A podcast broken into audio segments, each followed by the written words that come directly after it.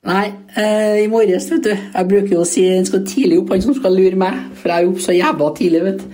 Så jeg var jo på brakka i femtida, vet du. Når jeg kom dit, så er det sånn, eh, står det en gjeng med arbeidskarer på å henge opp en sånn vindduk. Og så sier jeg liksom hva vi holder på med, gutta. Nei, de var ikke så fornøyd, da. De hengte opp sånn eh, styre med gå-banner og sånn, og så sier jeg det er ikke lov. Så jeg går nå bare inn, jeg, da. Og så, eh, så går jeg på rett på nettet, vet du, henter meg en kopp kaffe, går rett på nettet, og der står det jo Kjetil Rekdal har fått jobben i Rosenborg. Da tenkte jeg meg om to ganger, og så, gikk jeg ut, jeg, og så hjalp jeg til å henge opp banner sammen.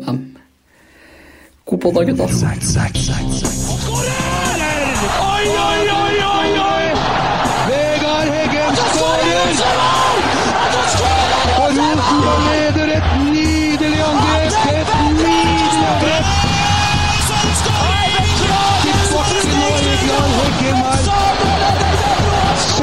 Synet! Se det vakre synet! Hei,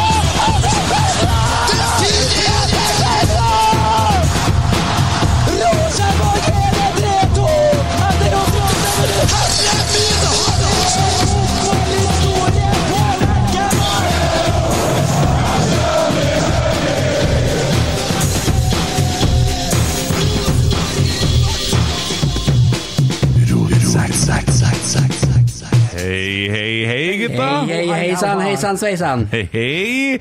I dag er en I dag? I dag er en spesiell dag. Det er for en intro. Jeg har litt overtenning, jeg. Ja, for en intro. Ja, nå skjer det ting. Hei, gutta. Geir Hansen her. Ja. Skal vi henge opp banneren, ja? Hengte opp banneren sjøl, han. Det var ikke Falkenkameratene, det var Geir Hansen som hengte opp banneren. Ja, det høres sånn ut. Ja, det kan være det. Ja. Har, har det kommet noe på Twitter fra Vamos La Roja? Ja, snakke om det med en gang, eller? Ja. Han hinter litt, men det kan vi Vi skal Ja, ta med gjesten. Jeg vet ikke om gjesten hører lydfilen som jeg spiller nå, men vi har fått en introduksjon, så vi slipper å ta den sjøl. Har vi gjest i dag? Ja, vi har gjest i dag. Vi har en, eh, vi er på å coache en litt i eh, ledelse og opptreden i eh, media. Vi skal ta det kurset over litt lengre tid her. Bare vent litt, skal vi ta introduksjonen. Skal vi se her om vi har noen. Etter en lang oppkjøring, 30 serierunder, hundrevis av podkaster og enda flere oppslag i VG, i Dagbladet og i Adresseavisa, så presterer altså dere å gi Norges mest slitsomme, cocky og sjølgode svenske enda mer taletid. Det er ikke til å tro. Det er mange av oss som hadde håpa at eh, julefreden hadde senka seg nå, at det var nok Joakim Jonsson for 2021, men nei. Dette blir en sinnssyk redigeringsjobb, det kan jeg bare love dere. Her må det sensureres, det må klippes, det må vaskes. Og dette kommer til å bli minst fem timer. Så det er bare å ønske lykke til. Og helt til sist så vil jeg si at hvis det er én som er diva av Joakim Jonsson og meg, så er det han svensken dere sitter sammen med. Huff a meg, boys. Men eh, god jul likevel. Hei! Hei, hei. Ni hadde fått tak i dronninga, ja? Vi har fått tak i selve stjerna. Hun er vakre menneske med den vakre stemmen. Hun er på ferie nå, tror jeg. Ja, hva er det? Jeg tror hun er i Bømlo nå, med kjæresten sin. da, vet du. Så Ja. att, eh, er är det goda dagar. Ja. Og du har stemme i dag etter den opplevelsen i går. Ja, har, det, har, har man med om det värre? Alltså det, e- egentligen skulle jag bara lägga, kaste kasta in og och lägga allt eh, på hylla här. För eh, man får aldrig uppleva något mer enn det man fick göra igår. Alltså. Det är den villeste kampen jag har upplevt egentlig omtrent noensinne, tror jeg. Altså. Ja, det, jeg må være enig. Det ligger jo en del sånne kamper som en sånn tidenes kamp og sånn, men det her, her var tidenes kamp. Herregud, for en kamp. Det var altså, bare glem, glem, alt med tidenes kamp Altså. Går Det blir fem mål i andre extra Altså, det blir mål hvert tredje minutt. Og det är eh, vrir fra det ene til det andre. Det, det, var, det var så sjukt det och så det er vel bare Brann som er det eneste lag i Norge som kan, eh, kan lykkes med det der. Jeg har en liten sammenligning, Ja. for at vi eh, Uten sammenligning for øvrig, skal jeg si. Etter en viss sportshendelse forrige søndag, i Mm. Formel 1, så var vi også Rosenborg og Stabæk. Og det var litt nedfor. Og så sa vi fot norsk fotball kan aldri gi meg sånne følelser. Ja. Det, det, eh, kampen i går overgikk Formel 1. Ja. eh, det var ganske likt òg, for at midt ute så var det sånn Dette her var jo, blir jo sånn. Og så bare Ja, nei, jeg, jeg tenkte jeg begynte å se på TV-en, og så hørte jeg mer på Joakim enn hva jeg så, så jeg fant ut at dette er den villeste kampen Villeste kampen jeg nesten har sett, skrev jeg. Det var For det var vanskelig å se. Ja, ja, men det var vanskelig å se. Vi så dårlig når vi satt på kommentatorplass der også, så at, uh, det var letta jo litt etter hvert, da, eh, jo lengre kampen led, heldigvis. Da, men det var dårlige seerforhold. Men uh, nei, den stemmen fikk kjørt seg i går, men med all rett, for det var helt vanvittig. Mm. Ja, det var, og dere hadde jo en god unnskyldning for en gangs skyld. Dere så jo faktisk ikke noe. Nei, vi gjorde ikke det, så for en gangs skyld så hadde vi, hadde faktisk dag, ja, vi hadde en god unnskyldning. Det, er- vi har ofte prøvd oss for mange dårlige, men i går hadde vi en virkelig god unnskyldning. Ja. Du, eh, Gunhild eh, nevnte noe om eh, han eh, Bob eh, Bradley. Og Bradley, det var, ja, ja, tenkte det. Det var første det, Jeg lurer på om det ikke var aller første gang jeg og Gunhild jobba sammen. Om det var første eller andre gang. Det var helt i starten på hennes hva skal jeg si, eliteseriekarriere også der, så da Min engelsk er begrenset, eh, og jeg valgte vel litt Jeg kan jo velge sterke ord på, på noen sterke norske svenske ord, holdt jeg på å si også, men det var det på engelsk, og det falt ikke i god smak. Disaster! disaster så att, eh, ja, ja. Og så skulle jeg begynne å argumentere på engelsk etter det. Det gikk, eh, det gikk dårlig, så at, ja, ja. Ja. Men eh, sånn livet. Jeg vet ikke hvor mye du kjenner til sånne norske ting, og sånn, men vi har jo noe som heter Boys Voice, og du har jo han Timothy Dale i julekalenderen. Han, eh, han er òg sånn engelsk, for det var litt sånn But, but uh. Ja, det det ble det altså sånn, ja, hørs. Men, men. Ja, det, jeg ser du blir brydd når jeg tar det opp. Det var ikke det vi skulle snakke om. Nei, men vi skal gnu litt, sant? Vi Skal ja, vi må på en måte bryte isen, og, men det det er ikke noe problem med deg, har jeg skjønt. Du er en uh, lett å prate med, uh, og lett å høre på. Det har jeg gjort mye. Så eh, det her er jo utrolig hyggelig, og så klarer vi også å få tak i han eh, største melderen i Norge, da. På den dagen hvor det er eh, Det er, det er jo klart, altså. Det er jo ikke Men det er jo klart. Det er jo bare klubbene som skal bli enige, og det har jo da endt med at Kjetil Rekdal blir trener i Rosenborg i tre år fremover, hvis alt går etter planen. Jøye meg, gutta, hva sier vi til det? Vi venter vel på offisiell pressekonferanse fra klubben, vi men vi venter ja, vi, Vi- tar det som god fisk. Gjør Det, det? er god fisk. God rekke. Oi! Nei, men jeg har, jeg har, jeg har, eh, jeg har mine kilder. Ja, ok. Akkurat, ja. Ja, ja. Har du dine kilder, Joakim? Joakim snakker med Jonas, han men man trenger vel ikke være noen eh, hjernekirurg for å skjønne at eh, Kjetil Rekdal trener Rosenborg. Men eh, det er jo klart, sen har de, jo- blir det jo sikkert litt dyrere for RBK, da, for de må jo løse ut Geir Frigård også. Ja, ser de snakker jo om det.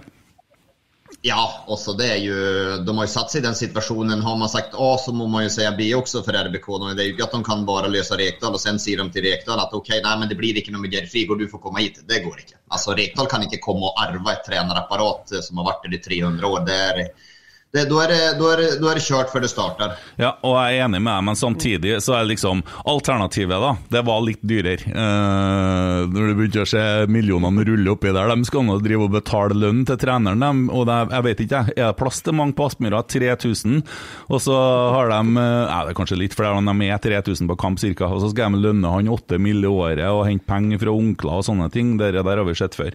Men å cashe ut en eh, hjelpetrener i HamKam tror jeg blir litt annet nivå på uansett, da. Noe sier meg at han blir dyrere enn hovedtreneren. da. Ja, det gjør han jo, for han har jo klausul. Så det, er jo, det var snakk om 400 000 kroner. Men det er jo det vi, vi kikker jo ikke på sånne ting i Rosenborg, ærlig talt. Vi driter nå i hva det koster. Herregud. Hæ? Men uh, før vi begynner, vi har jo fått inn helsika mye spørsmål. Du, jeg vet ikke om du vet så mye om rotsekk, men eh, vi er ikke dem med sølvfoliehattene som truer med drap. Jeg, jeg, kan- jeg, jeg, kan skyte inn før du sier noe, Joakim, at jeg, jeg ringte jo Joakim i går og spurte om det var aktuelt å være med, og det var det jo. Mm. Og bare en liten sånn Jeg hadde ikke helt kontroll på alle RBK-podene, man må bare passe på at ikke vi var den podden med sølvhattfolier og Nei, det var ikke oss, jeg. Nei, da var det greit. Nei da, men uh, det skal jeg si. Nå har jeg melda med en eh, Rune i Trollprat litt i dag, og invitert han til å komme og be om godt vær her, så dukker opp i fem minutter. Så det kan godt hende at han gjør. Uh, han har ikke åpna meldinga ennå, men vi får nå se. Uh, vi er vi, det, Og det kan bli hyggelig. Han er en veldig trivelig kar som jeg tror hvordan skal vi si det, mista det helt eh, på livesending, eh, gutten. Og det er vel en mild versjon å si det, da, kanskje. Så ja. Det er ille. Det ble veldig ille. Og det ble øh, Det er klart at vi har snakka mye, og det er råttig det som skjer på sosiale medier nå, for det har bikka fullstendig over. Og, og jeg har en sånn tanke om dette her. Altså, øh, personlig, meg, Kent, uh, jeg er for det å skrive et sånt brev. Jeg er for å ytre uh, frustrasjon overfor et styre i en medlemsstyrt klubb i et demokrati, der du kan si at vi er ikke fornøyd med jobben dere har gjort, vi ønsker at dere skal stille plassene deres til disposisjon. Det er jeg for. Eh, Det vil i så fall starte samtaler, og det vil da være et type seende raseri. Det har nå gått over til et blindt raseri hvor man begynner å gå løs på personer, man begynner å gå løs på klubben. Og, nå, og det må man skjønne at når man holder med Rosenborg, så sitter man om bord i Rosenborg-båten. Og da sitter man og slår hull i skroget fra innsida. Og et, en båt som allerede tar inn en del vann, du hjelper ikke den båten med å fortsette å slå hull i, i sidene på båten. Og når vi i tillegg tar en såpass dramatisk ansettelse, som jeg vil si at vi gjør, da, så har vi jo vi har en jobb å gjøre, da. Eh, Men eh, bare for å nevne det, når sa jeg Kjetil Rekdal, Tommy? Hadde sesongen begynt? Nei. Nei, akkurat, akkurat, ja. Men jeg har sagt noe annet òg, så jeg skal bare gjøre unna det, så at Gunhild slipper å vente. Hun orka ikke å høre alt Joakims Nei. Jeg laga en sang eh, for, eh, for eh, ja, en måned siden til Kjetil Knutsen. Jeg laga en tekst, da. Og det er klart at der bomma jeg stygt. Og Bodø-folkene de lager jo ingenting sjøl. De, de har jo fått alt ifra oss. De har fått bergeopplegget de har fått eh, filosofien. De hadde jo en Hoftun opp der som viste dem hvordan de bygger organisasjon. De har eh, Jeg vet ikke alt de har fått. Det, det, det gikk Fått Botheim. ja, de har fått Botheim, ja, og og forsvarsspillere. Solbakken. Bredemo. Ja, ja, forsvarsspiller. Eh, og, og, og så I tillegg da, så lager de nå en statue utom stadion som blir laga av samme kunstneren som laga statua av Nils Arne Eggen. sånn at den blir nok sikkert ganske lik òg, i utførelse. Men i dag fant jeg òg ut en annen ting. Før vi hadde Trollet, så hadde vi en maskot som het Putte. Hva tror du maskoten oppe i Bodø heter? Nei. Jo, han heter Putte! Han heter, ja, han heter Putte. Og så skriver de Kan ikke du lage en sang til oss òg, Kent? Så sier jeg nå må dere snart finne på noe sjøl, men OK. Ettersom at jeg bomma eh, på trener Jeg var helt sikker på at Knutsen kom. eh, så legger jeg meg flat, og så har jeg laga en sang, en tekst, unnskyld, som jeg har da skrevet om litt av kjærlighetsvisa til Halvdan Sivertsen. Ja. Som er nordnorsk gud og Bodø-Glimt-supporter. Der jeg tar for meg oss. Så hvis dere har tid, kan jeg gjøre det. Ja. Ja. Er, vi- Den her kommer seg nok ikke til å spille inn og gi ut for at Halvdan Sivertsen er tullete på rettighetene, sånn at det blir bare styr. Han er ikke sånn raus som en Dag Ingebrigtsen, kanskje.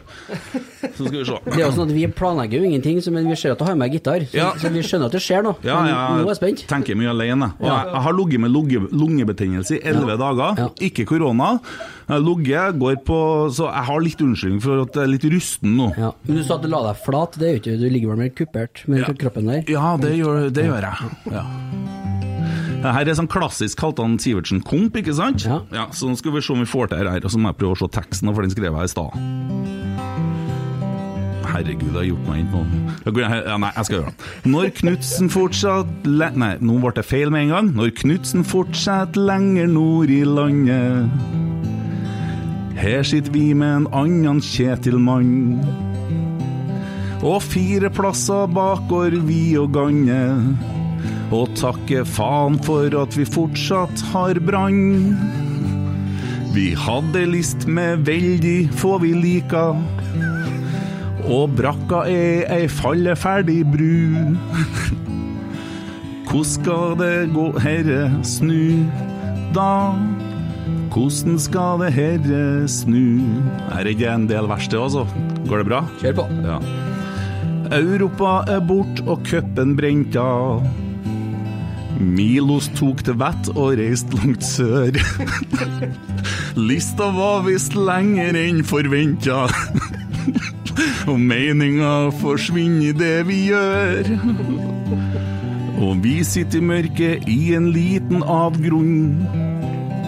Styret vet, og vi skal bare tru. Hvordan skal det herre snu, da? Hvordan skal det herre snu? Så har jeg tatt et vers som ligner litt mer på det som er originalt, for det passer. Men av og til når tegna blir for tydelig, og dem som sitter med makta gjør meg skremt. De fine ordene deres blir motbydelig, og tankene bak er jævlig dårlig gjemt. Da vet vi at medlemmene vil våkne, og lekkasjene fra styret snart vil snu. Hvordan skal han Saga gnu, da? Hvordan skal han Saga gnu? Neste år så snakker vi med beina. 20 000 sammen gjør meg varm. Jeg føler meg så liten og aleine. Uten nei, løssnus og pærebrus og sjarm. Serien er viktig, og vi skal slåss. Gullet det blir sort og hvitt, og du. Sammen skal vi få det til å snu, da. Sammen skal vi få det til å snu. Hæ? Pent. Pent spilt. Vakkert. De, de fortjente at vi tok et par ørefiker på oss sjøl der, Ja, oppe i nord. Ja. Jeg er flinkere å synge enn deg, Joakim. Det skal jeg love. Det skal jeg love. Ikke tenk på det. Jeg hørte du sang bursdagssangen en gang her, og fortsett. Nei, Fort, ikke, ikke slutt i dagjobben din ennå. Nei, er, det bør jeg ikke gjøre, nei. Ja, ja. Nei, men jeg må si det. Bodø-Glimt-folkene de er herlige. Og herregud, hvor artig vi har hatt det på Twitter underveis, i, og sosiale medier og alt som er med herjinga som vi har hatt. Det har vært mye å ta tak i, da.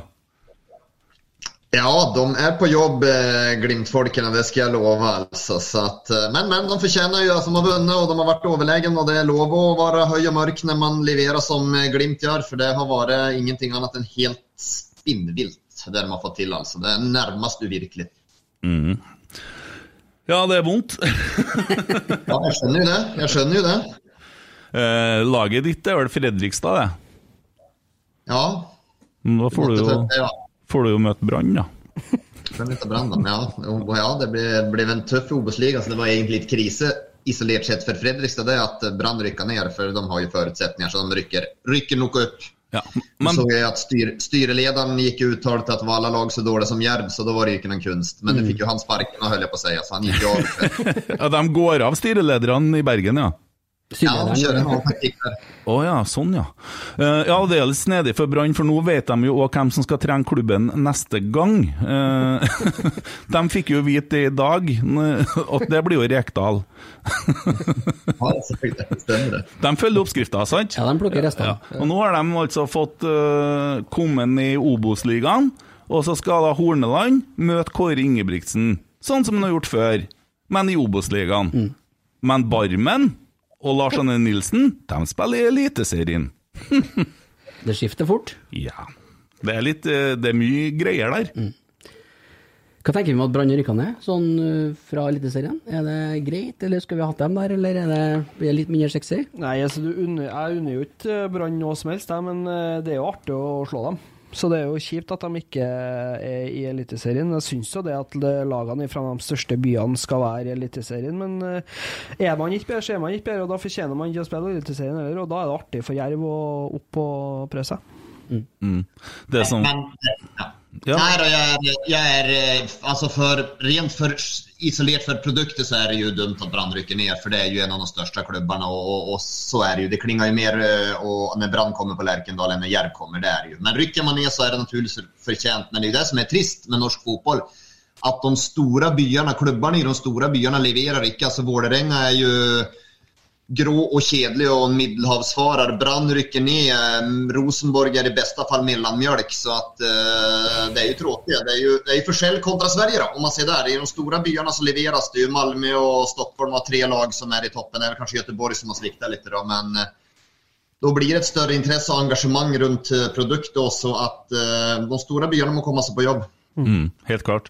Uh, jeg syns det var hyggelig med Jerv. Jeg syns det var koselig å se dem i går og se han treneren. Og det er jo litt sånn 100-årsjubileum og sånne ting. Men så så han Espen Ester Pirelli i dag på TV. Nei, han Dag Otto Lauritzen på TV-en i dag. Det er samme, det, skjønner du. Okay. det er samme Ja.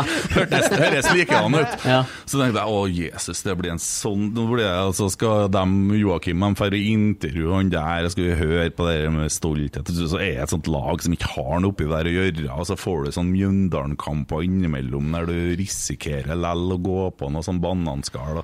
Det er jo kanskje en av de tøffeste banene å komme på, for den er jo Hvis de ikke har gjort noe med den, så er det jo en skikkelig åker. Du setter deg ikke ned og kritiserer klubber som spiller på gress her, altså, for da bæres det på huet og ræva ut. NFF skal begynne å gi støtte til klubber som spiller på gress, så vi får bort plastikken. En trøst kan jo være at Rekdal hadde full kontroll på Jerv både borte og hjemme i år. Vi tar med oss det inn i Ja, det tar med oss. Ja, hva du tenkte da når du så og begynte å forstå at Rekdal var faktisk det som kom til å bli eh, fasiten i det dramaet som har vært i lang, lang tid? da? Jeg er jo overraska, jeg kan jo ikke si noe annet. Og, det er klart, Hadde man sett det her for halvannet år siden, eller ja, det blir vel ja, drøyt halvannet år siden han sang starthymnen etter at han hadde fått sparken og sto i, i, i ring der, da kunne jeg jo ikke tro at eh, om halvannet år så skulle han trene Norges eh, største klubb. Det, det trodde jeg ikke. Og sen så er det jo, når man ser på eh, Kall det prosessen og den røde tråden, eller den manglende røde tråden i RBK, så er jo den spesiell. Altså. Man har jo da Kjetil Knutsen, det, det skjønner jeg jo, det er jo et førstevalg, og det er vel for holdt på å si, hver eneste klubb i, i Skandinavia. Han er vel den som kanskje Rosenborg-supporterne kan identifisere seg mest med, med tanke på måten å spille fotball på. Og man drømmer jo om det glade 90-tallet, naturligvis. Eh, Og sen det andre alternativet er Milos Milojevic, da, som eh, for det første er jo ikke noen 4-3-trener. Litt, tre- litt Ragnhild-inspirert med gegenpress, og det er 3-4-3, 3-4-1-2, 3-5-2 og, og litt offensiv powerfotball eh, som er, spiller i- ikke samme relasjonsbasert og spiller ulikt, eh, ulikt Kjetil Knutsen. Og sen da så tar man opp den tredje kaninen i hatten, så er han forskjellig igjen kontra Milovic, Milojevic og, og Kjetil Knutsen. Altså en uh, Kjetil Rekdal da, som uh, er jo en, en kyniker, altså. Det er ikke noe tvil om det. Han er jo en eh, trener som møter man Sandefjord hjemme. Ok, da kjenner man at da mm, fyrer vi på på alle sylindere. Da er det 3-5-2 og, og, og vi kjører offensivt. Møter Molde borte, ok. Kanskje 3-4-3 stenger kampen. Helt annerledes eh, inngang. Det jo ikke, altså Kjetil Knutsen, om man møter Sandefjord hjemme eller Roma borte, my way or the highway. Vi spiller, spiller midtspill uansett. Eh, sånn er ikke Rekdal, så det er jo veldig forskjellig sånn sett. Eh, han er jo en sånn som tar hensyn på en helt annen måte til motstanderne enn enn hva Knutsen og ja, kanskje Nils Arne Eggen, heller ikke kanskje Nils Arne Eggen gjorde tok ikke akkurat noen hensyn heller eh, eh, i, i tidligere Rosenborg. Så det er en annen type trenere.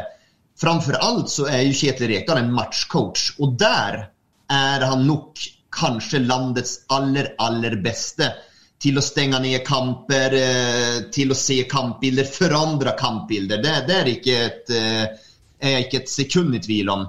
Eh, og sen om man, eh, om jeg nå er inne på det, får ni, får bare stoppe meg. Men, eh, men Rekdal er jo eh, også en trener så Fördelen med Rekdal när han kommer till den här jobben det är att han har en gratis autoritet. Träna Rosenborg, det är inte det enklaste. Alltså det är många som har mycket meningar i och runt Rosenborg och det är många gamla spelare, ledare som har varit med och upplevt mycket. De har vunnit mycket, de eh, har varit i Champions League, spelat på landslaget. De menar väl själv de sitter med faciten.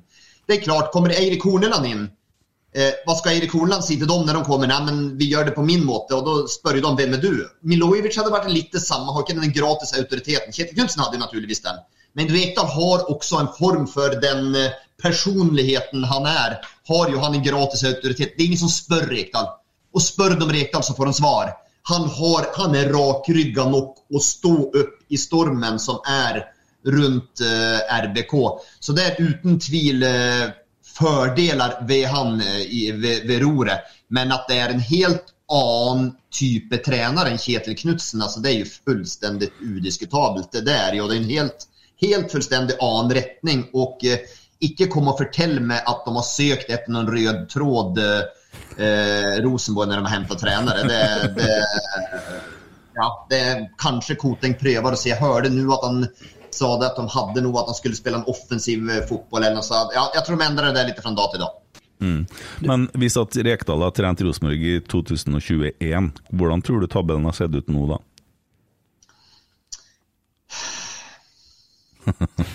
Ja, en, Rekdal med laget som Rosenborg hadde fra start av, så er jeg jammen ikke sikker. For det krever litt grann den type fotball en Rekdal spiller. Og jeg må vel si at eh, de hadde litt, hva skal jeg kalle det, litt trøtt og tregt, litt, kanskje litt gammelt lag. eh, Rosenborg i starten på sesongen. Det passade inte Rekdals stil. Det man gjorde i sommar, fick in föryngra laget lite, fick mer löpskraft, løpskraft power i laget. Det hadde passet han bedre. Så at, eh, tror ikke man hadde tatt noe gull. Det, det, tror jeg ikke. For jeg tror ikke man hadde materialet som hadde passet han. Men Nei, man... eh, tror at høsten hadde vært bedre. Ja, jeg tror nok at det er kampene som uh, sto og bekka, sånn, sånn Lillestrøm og sånn, da, det høres jo rart ut å si at den sto og bekka, men vi hadde den jo, sant? Jeg tror ikke vi har sluppet den, da. Og det er en del sånne kamper som har Altså, siste kampen vi spilte nå, så starter den med en uh, venstreback som ikke har spilt kamp på to år, mens at vi har en landslagsklar venstreback som blir satt på benken. Du har en Holse som ikke vil spille wing, som blir satt ut på wing, og så setter han en eh, Emil Seid på benken. Og ja, uh, don't get me started. Det er så mange rare valg når han har så mange spillere. Uh, Markus Henriksen så ut som han spilte med stylter når han spilte siste kampen. Jeg skjønner ikke at han får lov. Og da, det, Sånt hadde ikke skjedd under Rekdal. Men det er klart at uh, jeg er jammen meg spent på hvordan det her blir, gutta. Men uh, nå blir det Nå tror jeg vi får det som du har etterspurt, Emil, med Sparta. ja, nå får du Det Jo, for det, det Rosenborg-supporterne plages med, det er at en Kjetil Rekdal han har hata Rosenborg. Sant? Mm. Han har, han har snakka ned Rosenborg. Det er jo sånn trener vi trenger! Mm. For nå kommer han til å snakke ned andre lag. Vi får passion, vi får lidenskap, vi får på sida! Og ikke en som sitter og ser ut som han holder på å daue på sida her. Men det er klart, Rekdal er nok avhengig i større grad av resultater i starten enn hva Kjetil Knutsen hadde vært. Akkurat for det du forteller. For eh, nå har vel følger jeg jo med litt, og man leser litt her og der. Det er jo ikke, han starta jo ikke på noe sinnssykt pluss uh, litt her og der. Det er jo en del kritiske supportere. Og det er jo som du sier, det er jo for at han har jo vært i en årrekke kritisk mot, eh, mot Rosenborg på en måte, og har jo vært, hva skal man kalle det, litt hatlag til, eh, til tider også. Så han er nok avhengig av å skape resultater, men eh, akkurat der tror jeg, eller er ganske trygg på at Rosenborg får en trenere som kommer å skape resultater. Sen er jo spørsmålet, er det nok? For det er bortskjemte supportere, de skal helst ha resultater, de skal helst spille lagene av banen, og det skal være festfotball. Og det er jeg ikke sikker på. Så da er det spørsmålet, er det nok å skape resultater i, i Trondheim 2022? Når vi er på, eh, halvveis inn på temaet, så får jeg lyst til å spørre liksom, eh, Vi lever jo i RBK-bobla her, og vi går jo opp i våre egne ord hele dagen. Og, og, men hvordan, hvordan har dette sett ut fra utsida? Altså, Flirer resten av landet av oss hvordan vi holder på å styre den skuta her nå, eller er det, hva- er det Han begynner jo å flire i det du sier spørsmålet. Ja, det, ja men, men det, det er vel Man må vel være såpass ærlig at det, det er jo smått litt grann komisk. Det har jo vært det hele den prosessen. Og det er jo akkurat med den her røde tråden at man er, man er fra Kjetil Knutsen til Milojevic til Rekdal, og sen så skal man nesten omtrent høre at man skal forsvare det ene og det andre. Altså, Hareide sa vel i juli at han ikke blir trener i 2022. Man har hatt ganske god tid på seg å, å, å ha den her, kall det den trenerlistan. Og de har jo pratet om at det har vært flere navn. Kjetil Rekdal, ikke en sjanse i havet at han var på den listan i juli. Aldri i verden. Han hadde gjort en meget meget god jobb med HamKam da også. Sen var jo høsten fullstendig monumental. Nå bruker jeg jo si at fotball er ferskvare, så eh, jeg kan vel, eh, skal vel ikke si noe på det. Men, men høsten har jo vært enorm, og når de resultatene har kommet, da tror jeg eh, Rosenborg og Koteng har fått opp øynene. Liksom, Oi, her kanskje vi har noe nytt. Og så tar man fram en ny eh, person, men aldri i verden at han var på den listan. Og den listan tror jeg nok en gang var veldig, veldig tynn. Det var Kjetil Knutsen, og man var nok veldig sikker. Jeg trodde sjøl at han skulle komme, jeg var nesten sikker på det sjøl. Eller jeg var sikker på det sjøl. Eh, og det tror jeg Rosenborg også, at de la vel mer eller mindre alt på det. Og så hadde Dorsin tatt fram sin mann da.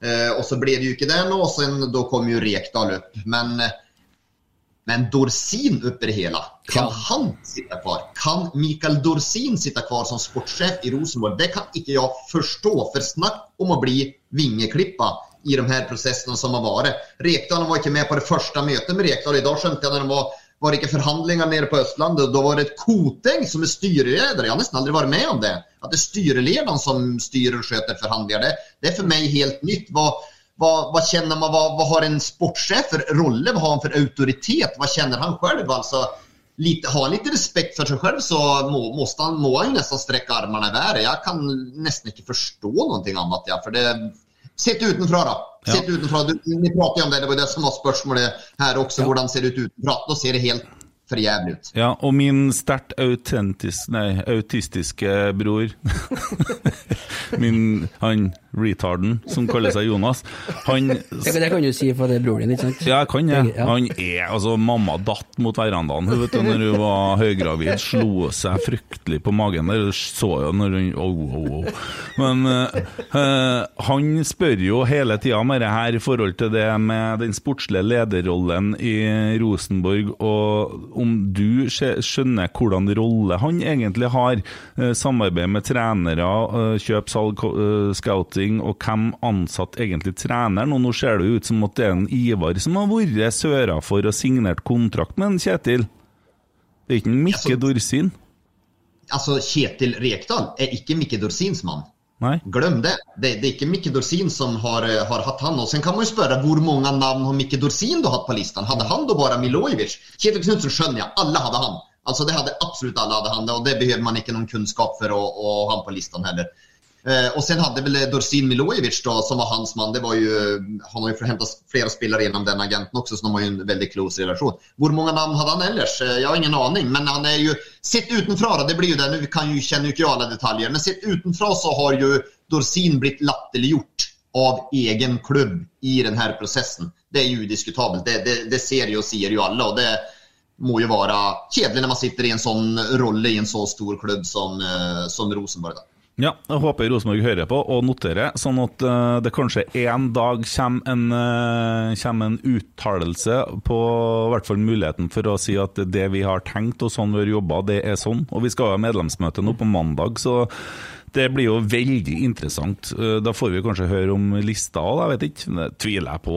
Men eh, noe av verdiene våre er jo bl.a. åpenhet og eh, folkelighet, humør, engasjement. Så Engasjement har vært her, da, i siste. jo, jo, men folk misforstår det, for de tenker at jeg er så sint, men jeg er engasjert. Nå skal jeg true folk på livet, eller nå skal jeg tappe seg i brakka med ting. Altså, igjen da, Blindt raseri. Det er ikke bare å gjemme seg bak engasjement, for at man har jo et ansvar som en voksen mann òg. Man kan jo ikke, kan ikke sitte på Twitter og spy ut drit bare for å få retweets, men eh, det er jo det som skjer. Eh, så det, det blir det litt nok av å Ja. Det jeg mener at folk må ta litt ansvar, da. Eh, og Nå skal ikke jeg sitte og si hva alle skal gjøre, men det blir for mye negativitet. Det, det, jeg blir trist av det. Så folkelighet, det er supporterne bør òg inneha noe av verdiene, for om ikke kanskje hele styret fremstår med det. Så kan det jo gå an at eh, andre har det for det. Mm. Men, Men du, ikke å- uttal, nu uttalte vel, jeg såg Tove Mo Dyrhaug uttalte vel også at omdømmet vårt er elendig. eh, Ja, ja. og, och det er jo greit å ta inn over seg også som klubb at man må jo faktisk man, Og det tror jeg er viktig også, at man kan ikke altså Rosenborg ja det er Norges største klubb men det går ikke å slå seg på brystet med det For man har prestert helt fryk, Altså ser man de tre siste årene ut fra forutsetninger og resurser som man, som man har så er det jo ingenting annet enn nærmest närmast eh, Ja, Jeg tør ikke si katastrofe, for jeg sa katastrofen branns nedrykk i går, og da fikk jeg jo meldinger så det sang over at det var ikke noen katastrofe. Vannet hengte seg på, herregud. Så kunne- Men eh, du vet at katastrofe er disaster på engelsk, bare sånn Ja, da, jeg. Så, da, ja, ja, da ser jeg. Ja, men da skal jeg slutte å bruke det ordet, da. Men, men eh, det, altså, så mange poeng altså, Rosenborg har jo Ja, de har tatt noen medaljer, kommet seg så vidt ut i Europa, det gjør man jo ikke nå. Men, men så mange poeng man har vært etter. Man har ikke vært i nærheten de siste tre sesongene. og det er det er kritisk, og det må man jo bare ta inn over seg. Og så må man ta inn over jobben som er gjort. Den er jo ikke god nok. Nei, det altså, har, man, har man de beste forutsetningene og, og, og de største ressursene Jeg skjønner at man enkelte sesonger ikke vinner, det, så, så, er det, så er det. Men man skal ikke være så langt bak som man har vært de tre siste årene og blitt akterutseilet nesten bare verre og verre for hvert eneste år. Ja, det er ikke nesten heller. For det, det er tredjeplass, fjerdeplass, femteplass. Så det, det er veldig enkelt, det. Det er dunk, dunk, dunk. Og man har satset altså, i år. Hvor mange millioner har man brukt i år? Det er titalls millioner man har brukt siste halvannet året på spillere som har kommet inn med eh, høye sign-on fees, lønninger og, overgangssummer også. Så at det er eh, Nei, det er eh, kritisk. Ja. Uh, vi har brukt nesten like mye penger som Bodø-Glimt lønner Kjetil Knutsen i året.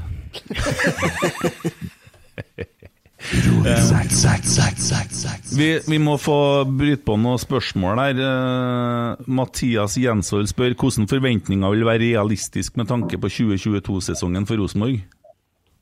Gull! Hvorfor skal man ikke ta hva- altså, jeg kan ikke, Man skal ikke ha noen andre forventninger eh, hos RBK enn gull. Og igjen, ut fra de forutsetningene. Nå, den her troppen som man har nå Man har jo igjen da, man har jo brukt titalls millioner. Man har jo den dyreste troppen i norsk fotball. Og det er klart at man, eh, det er klart at man skal ha gullforventninger på et sånt lag. Jeg orker ikke høre om man sier at man skal stabilisere seg og, og, og, eller noe sånt nå, og nå skal vi ha topplag. Rosenborg skal vinne dem.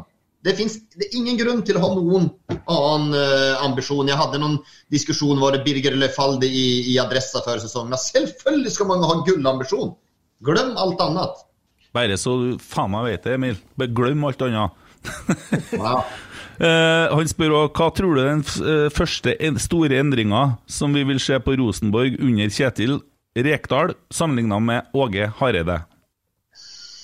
Ja, sammenlignet med Åge Hareide. Jeg tror at vi får vi, En form for mer kynisme i kampledelse kommer vi få se fra eh, Rekdal. Jeg var innom det her, Nå skal det sies at nå har Åge forandret litt formasjoner i, løpet av denne høsten også, uten at det har slått så vellykka ut. Men vi kommer på å se, under kampledelsen så kommer det på en stor eh, forskjell. Og det er en resultatorientert kar dere får. Der Kjetil Knutsen han vet ikke, jeg tror ikke han har resultat i, resultat i vokabularet sitt, utan der er det bare utvikling.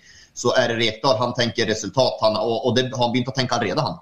Før terminlista er satt opp, så har han, eh, har han gått igjennom hvilke kamper, hvilke runder man må vinne og hvor mange poeng man må ha. Så det er en svært resultatorientert eh, kar som eh, kommer, tror jeg, på å forandre mm, formasjonen til enkeltkamper og innganger til enkeltkamper, som tar mer hensyn til motstanderne enn hva Rosenborg har vært vant til tidligere. Ja. Hvor mange formasjoner har brukt Jerv i går? Ja, å herregud, ja, de var, de var bytte. Det var 3-4-3, ja, det var 4-2-3, og det var 4-3-3, og sen så på slutten så tror jeg de ikke hadde noen formasjon, for da rant jo alt igjennom enn enn om det var en mann mer. Så at, eh, de endra bytta litt i går. Ja, de gjorde det. De hadde flere formasjoner på én kamp enn hva kanskje Bodø har hatt på hele året. Ja, eller borde hatt det hele foreningens liv, skulle jeg ville si. Ja. Du, vi har med oss eh, en eh, som Emil jobba jo i Nav før, og da fikk vi jo plutselig han Tommy dumpa han her. Og Tommy han sitter nå og ser på, og så har han fått seg skjegg og greier. Men Tommy, har du lyst til å Nå gjør jeg det veldig enkelt for deg. Ja. Så spiller jeg god! Som han sier på Godfotpodden. Lissepasting. Kanskje du vil stille noen spørsmål du òg, Tommy, så ikke du bare sitter og ser på? Ja. Ehm, Han er litt starstruck, skjønner du, for det er ikke så ofte han får treffe meg, så han syns det blir litt ekkelt å være i samme rommet og spiller gitar. Vet du, og, ja. Det, det skjønner jeg. Det skjønner jeg veldig godt. Etter oppvisningen du hadde, så skjønner jeg det. Ja, ja, ja. eh, vi har jo fått spørsmål fra en som heter Martin eh, Larsen. Eh, altså, hvis det ikke skulle ha vært Re- Rekdal, da. Hvilken, eh, hvilke realistiske managere er bedre enn Rekdal, eller trenere, som vi sier i Norge? da? Om du tenker rent norsk, eller så, det, og det er ikke noen lett oppgave, det heller. Men eh, når man var inne på det, kaller det Kjetil Knutsen-sporet, det er 4-3-3 og mer der, den typen Nå spiller han jo litt annerledes Jens Gustavsson, men han var jo Norrköping tidligere og har varit i Hajduk og er vel veldig aktuell for Hammarby nu. Så, så var vel han en, Jeg vet ikke om han har vært på den listan, men det hadde vel vært en, et realistisk namn. Ser vi blant norske trenere, så er det ikke så veldig, veldig mange trenere och, och eh, slå i bordet med der. Så der är Kjetil Rekdal er jo den som har skapt best resultater i det siste. Det, det er ufravikelig. Mm. Mange nevner jo Fagermo ofte i den dansen her. Hva tenker du om det? Da er man jo innom det her Da er det jo mer 4-3-3 og, och My Way or The Highway och Ja, Fagermo är ju en, jeg jag plejer att säga att han är ett, eh, ett fint svin eh, på något eh, som är, Men han är ändå en sån som skapar, det är ju faktiskt lite, se på Odd då, efter att eh, han försvann därifrån. Alltså det är ju det är ju så kedligt så att jag håller på att somna eh, när det är Odd nå. Eh, han skapte jo eh, blest rundt Odd och presterte jo bra. og Har egentlig, altså Vålerenga har ikke gått nok lag. Vålerenga har for dårlig lag. Så at trener, ja, 4-3-3. Han er det er sikkert mange som uh, mener at det er idiot men hvorfor ikke? Fagermo hadde ikke vært uh, noe idiotisk. Problemet med Fagermo at han er helt fryktelig på å spille logistikk og hente spillere. Og per nå så har Dorsinen jobb og viser hvor god han er der også. Eh, och Vålerenga har ikke henta gode nok spillere. Derfor har de blitt dårligere og dårligere også. Men eh, Så du hva de skulle, de skulle hente i dag? Hva de holdt på egen Hedestad, Ja. ikke sant? Bra for oss, det, vet du. Det er, Fag, ja, men det er Fagermo det. Fagermo. Så at nå nu kommer fort at han dammer av Fredrik Nordkveld eller noe sånt der som kommer inn også, Eller noe i den duren. Eh, Du, eh, jeg hø- hvis ikke jeg husker feil, så for en god stund siden så drev dere og snakka om Tinder på eh, indre bane. Har det ordna seg, eller? Nei, den, det har ikke det altså. Jeg er på, jeg er på jobb. Ja. Bruker du stund når, I går Nei, det var i Vålerenga, ja. Det var ikke på, det var ikke på Jeg Grimstad i går. Jeg tenker det, Er det bare sånn å kjøre ut en liten fem kilometer, og så bare Det var Oslo. Ja, det var Oslo. Men jeg er ny i Oslo vet du, så der har jeg, der har jeg vært på ringa inn litt. grann. Så Ja, ja. Koll på markedet der. Begynner å Nei, Oslo! Det er Ja. en million folk Ja, der! ja, Ja, Han trenger jo ikke å kjøre ut mer enn en kilometer han på sånn søkeradius, og så har han vel det travelt, gutten. Ser du, blitt den kjekke mannen. Husker når han var sånn eh, greier i Fredrikstad? Det var alvor. Så jo 100 år eldre ut.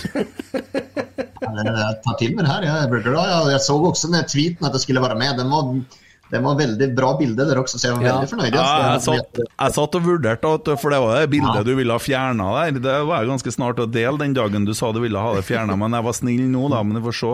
Det er jo litt kostelig, for det, det er ganske stor forskjell på de to greiene der. Det ser ut som en sånn Herbalife før- og etterreklame, egentlig.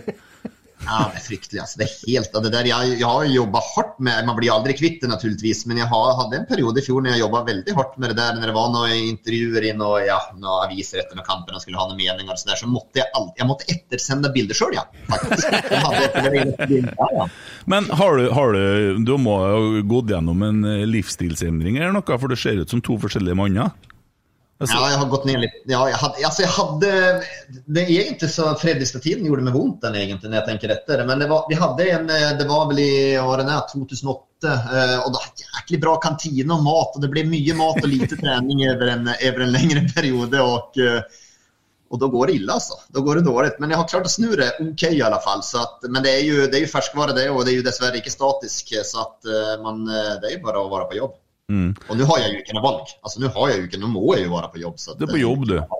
Jo, ja, men du jobber jo ikke 24 timer i døgnet, det skjønner jeg òg. Og så har du jo jobba sammen med Gunhild, kvinnen med Norges vakreste stemme, det skal være sagt. Det er, den, den, det er en fin dame, hæ? Ja, det, dronninga er uh, råleit hon altså. Hun er det. altså. Jeg kommer på savna henne, jeg skal være ærlig det også. Men vi skal ikke skryte for mye av henne heller. Det har hun ikke gått med. Jo, jo, men det er lov til det nå, når hun har, hun har nå slutta i jobben der, og så skal hun begynne å holde på med sånn eh, engelsk eh, sånn oljesjeik-millioner og greier der. Eh, eh, Hva gjør du når TV2 skal ta over denne sulamitten? Tror du blir vi å se deg da, på noen måte? Ja, fast vet vi ikke hva som skjer da. Kanskje vi se om det kanskje var leder, leder jobb i Rosenborg. Det kan vel skje ting Jeg, Ja, jeg skulle, jeg skulle til å si det, kanskje jeg skjer som sportsdirektør på Brakka. Styrelederjobben blir jo ledig ja. i februar. Ja, jag kanskje blir der, Ja, Da, bare å si veldig. Ja, det, det må du lære Han er deg. en veldig god trener. Veldig. Og det er, jo styreleden, det är ju styreleden som forhandler med spillerne og trenerne og henter hämtar tränarna. Han eh. Ja, jeg er sikker på det var han som har hengt opp dere bannerne sjøl òg, egentlig, for å skylde på dem som har skrevet det brevet, sånn at han fikk sympatien. Og så Se her nå, Geir, kom og hjelp meg å ta i her. Du, jeg kan ta et spørsmål i, i den ånden her. Arne Kristian Eggen eh, skriver um, Nei, det gjør han ikke. Kenneth Hasselstrøm skriver. Dere fikk du nesten til, eller? Veldig bra, veldig bra. Jeg, trener, jeg trener. Ok.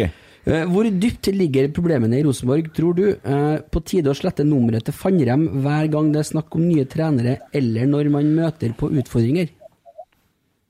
Sletta nummeret til? till. Fannrem altså, Fannrem, eh, Nils Arne Eggen. Ja, ja, alltså det där är alltid, men det där är en uh, utväg.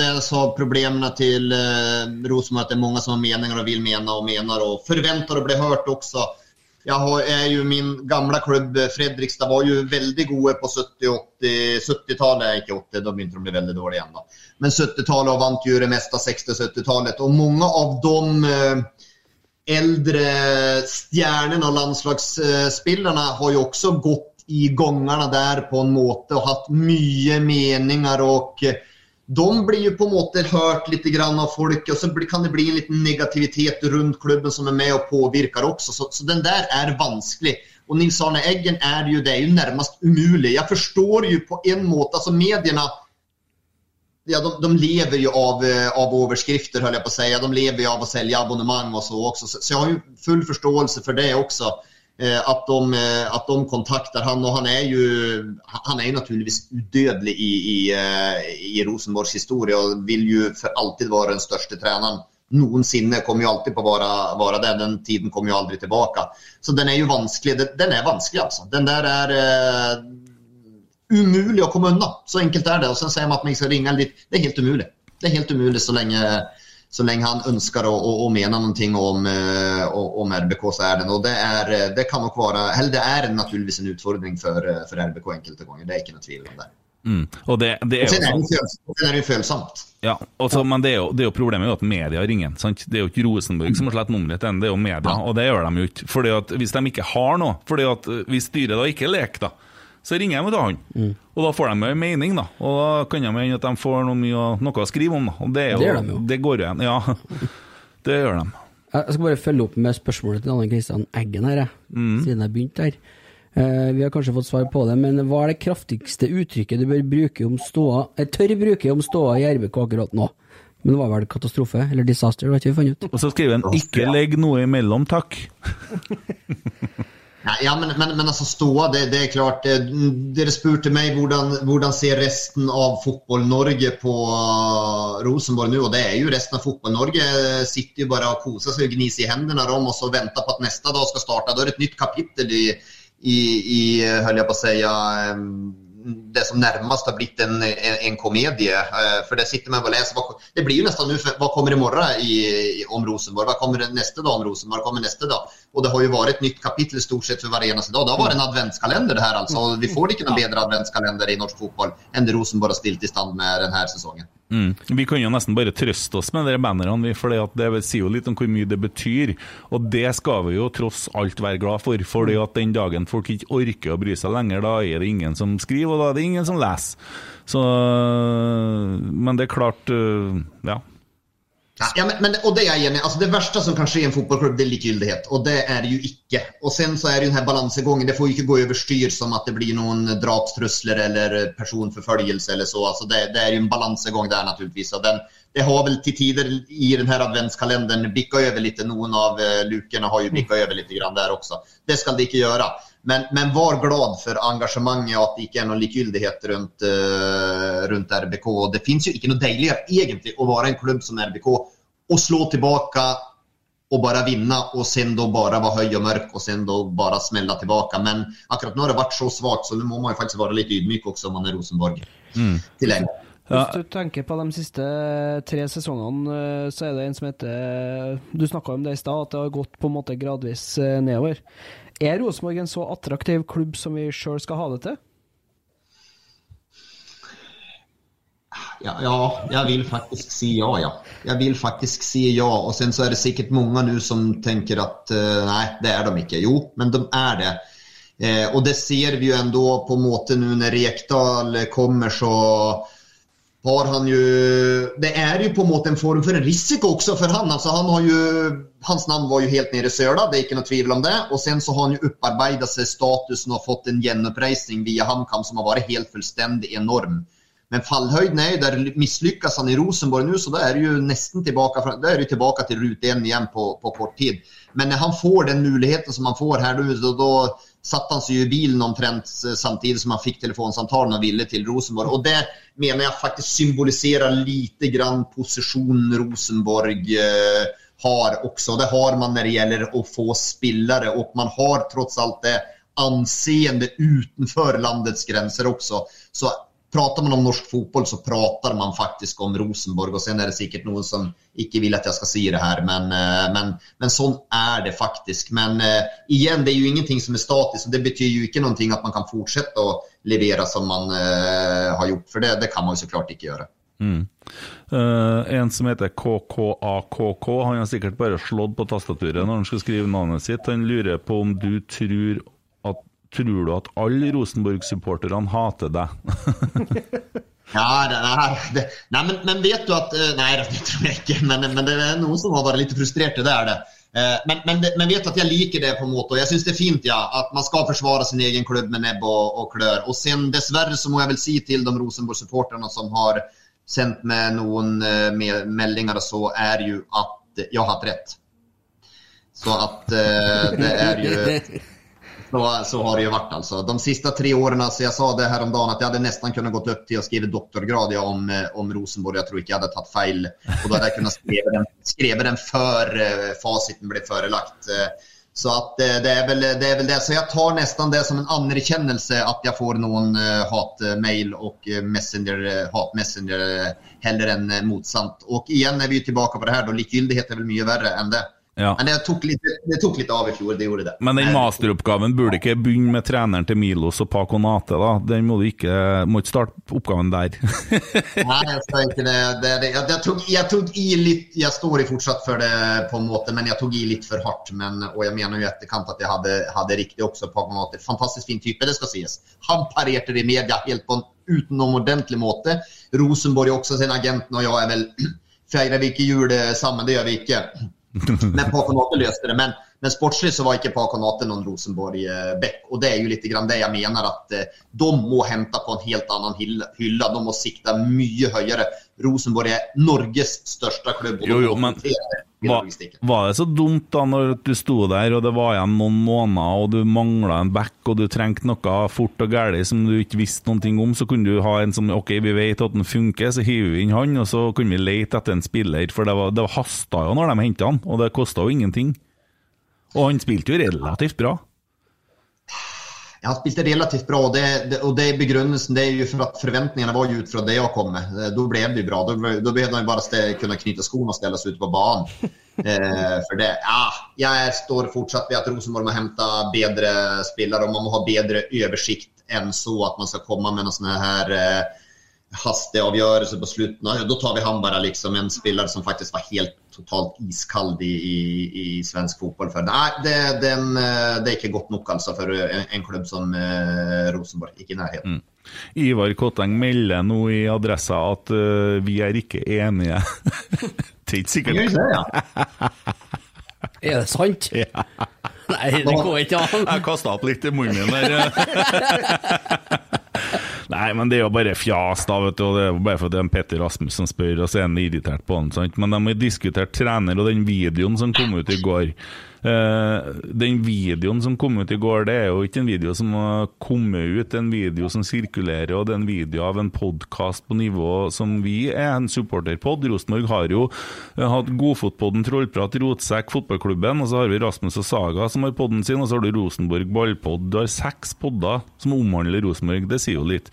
Og så var det overtenning på en, og så går han ut og skal være morsom, hadde på seg sølvhatt, og så kritiserer han uh, styret så til de grader, og så blir det kanskje en litt sånn ting som kan tolkes som en drap dødstrussel. Eh, men jeg mener jo at når du sitter med en sølvhatt, så er det jo litt humor i det òg. Men de gikk jo altfor altfor langt. og Han var jævlig snar ut og beklage seg og la seg langflat og snakka med Rune Bratseth og gjort opp. Hvorfor Ivar Kotteng skal begynne å snakke om det der i styremøtet nå, det er jo for meg helt merkelig.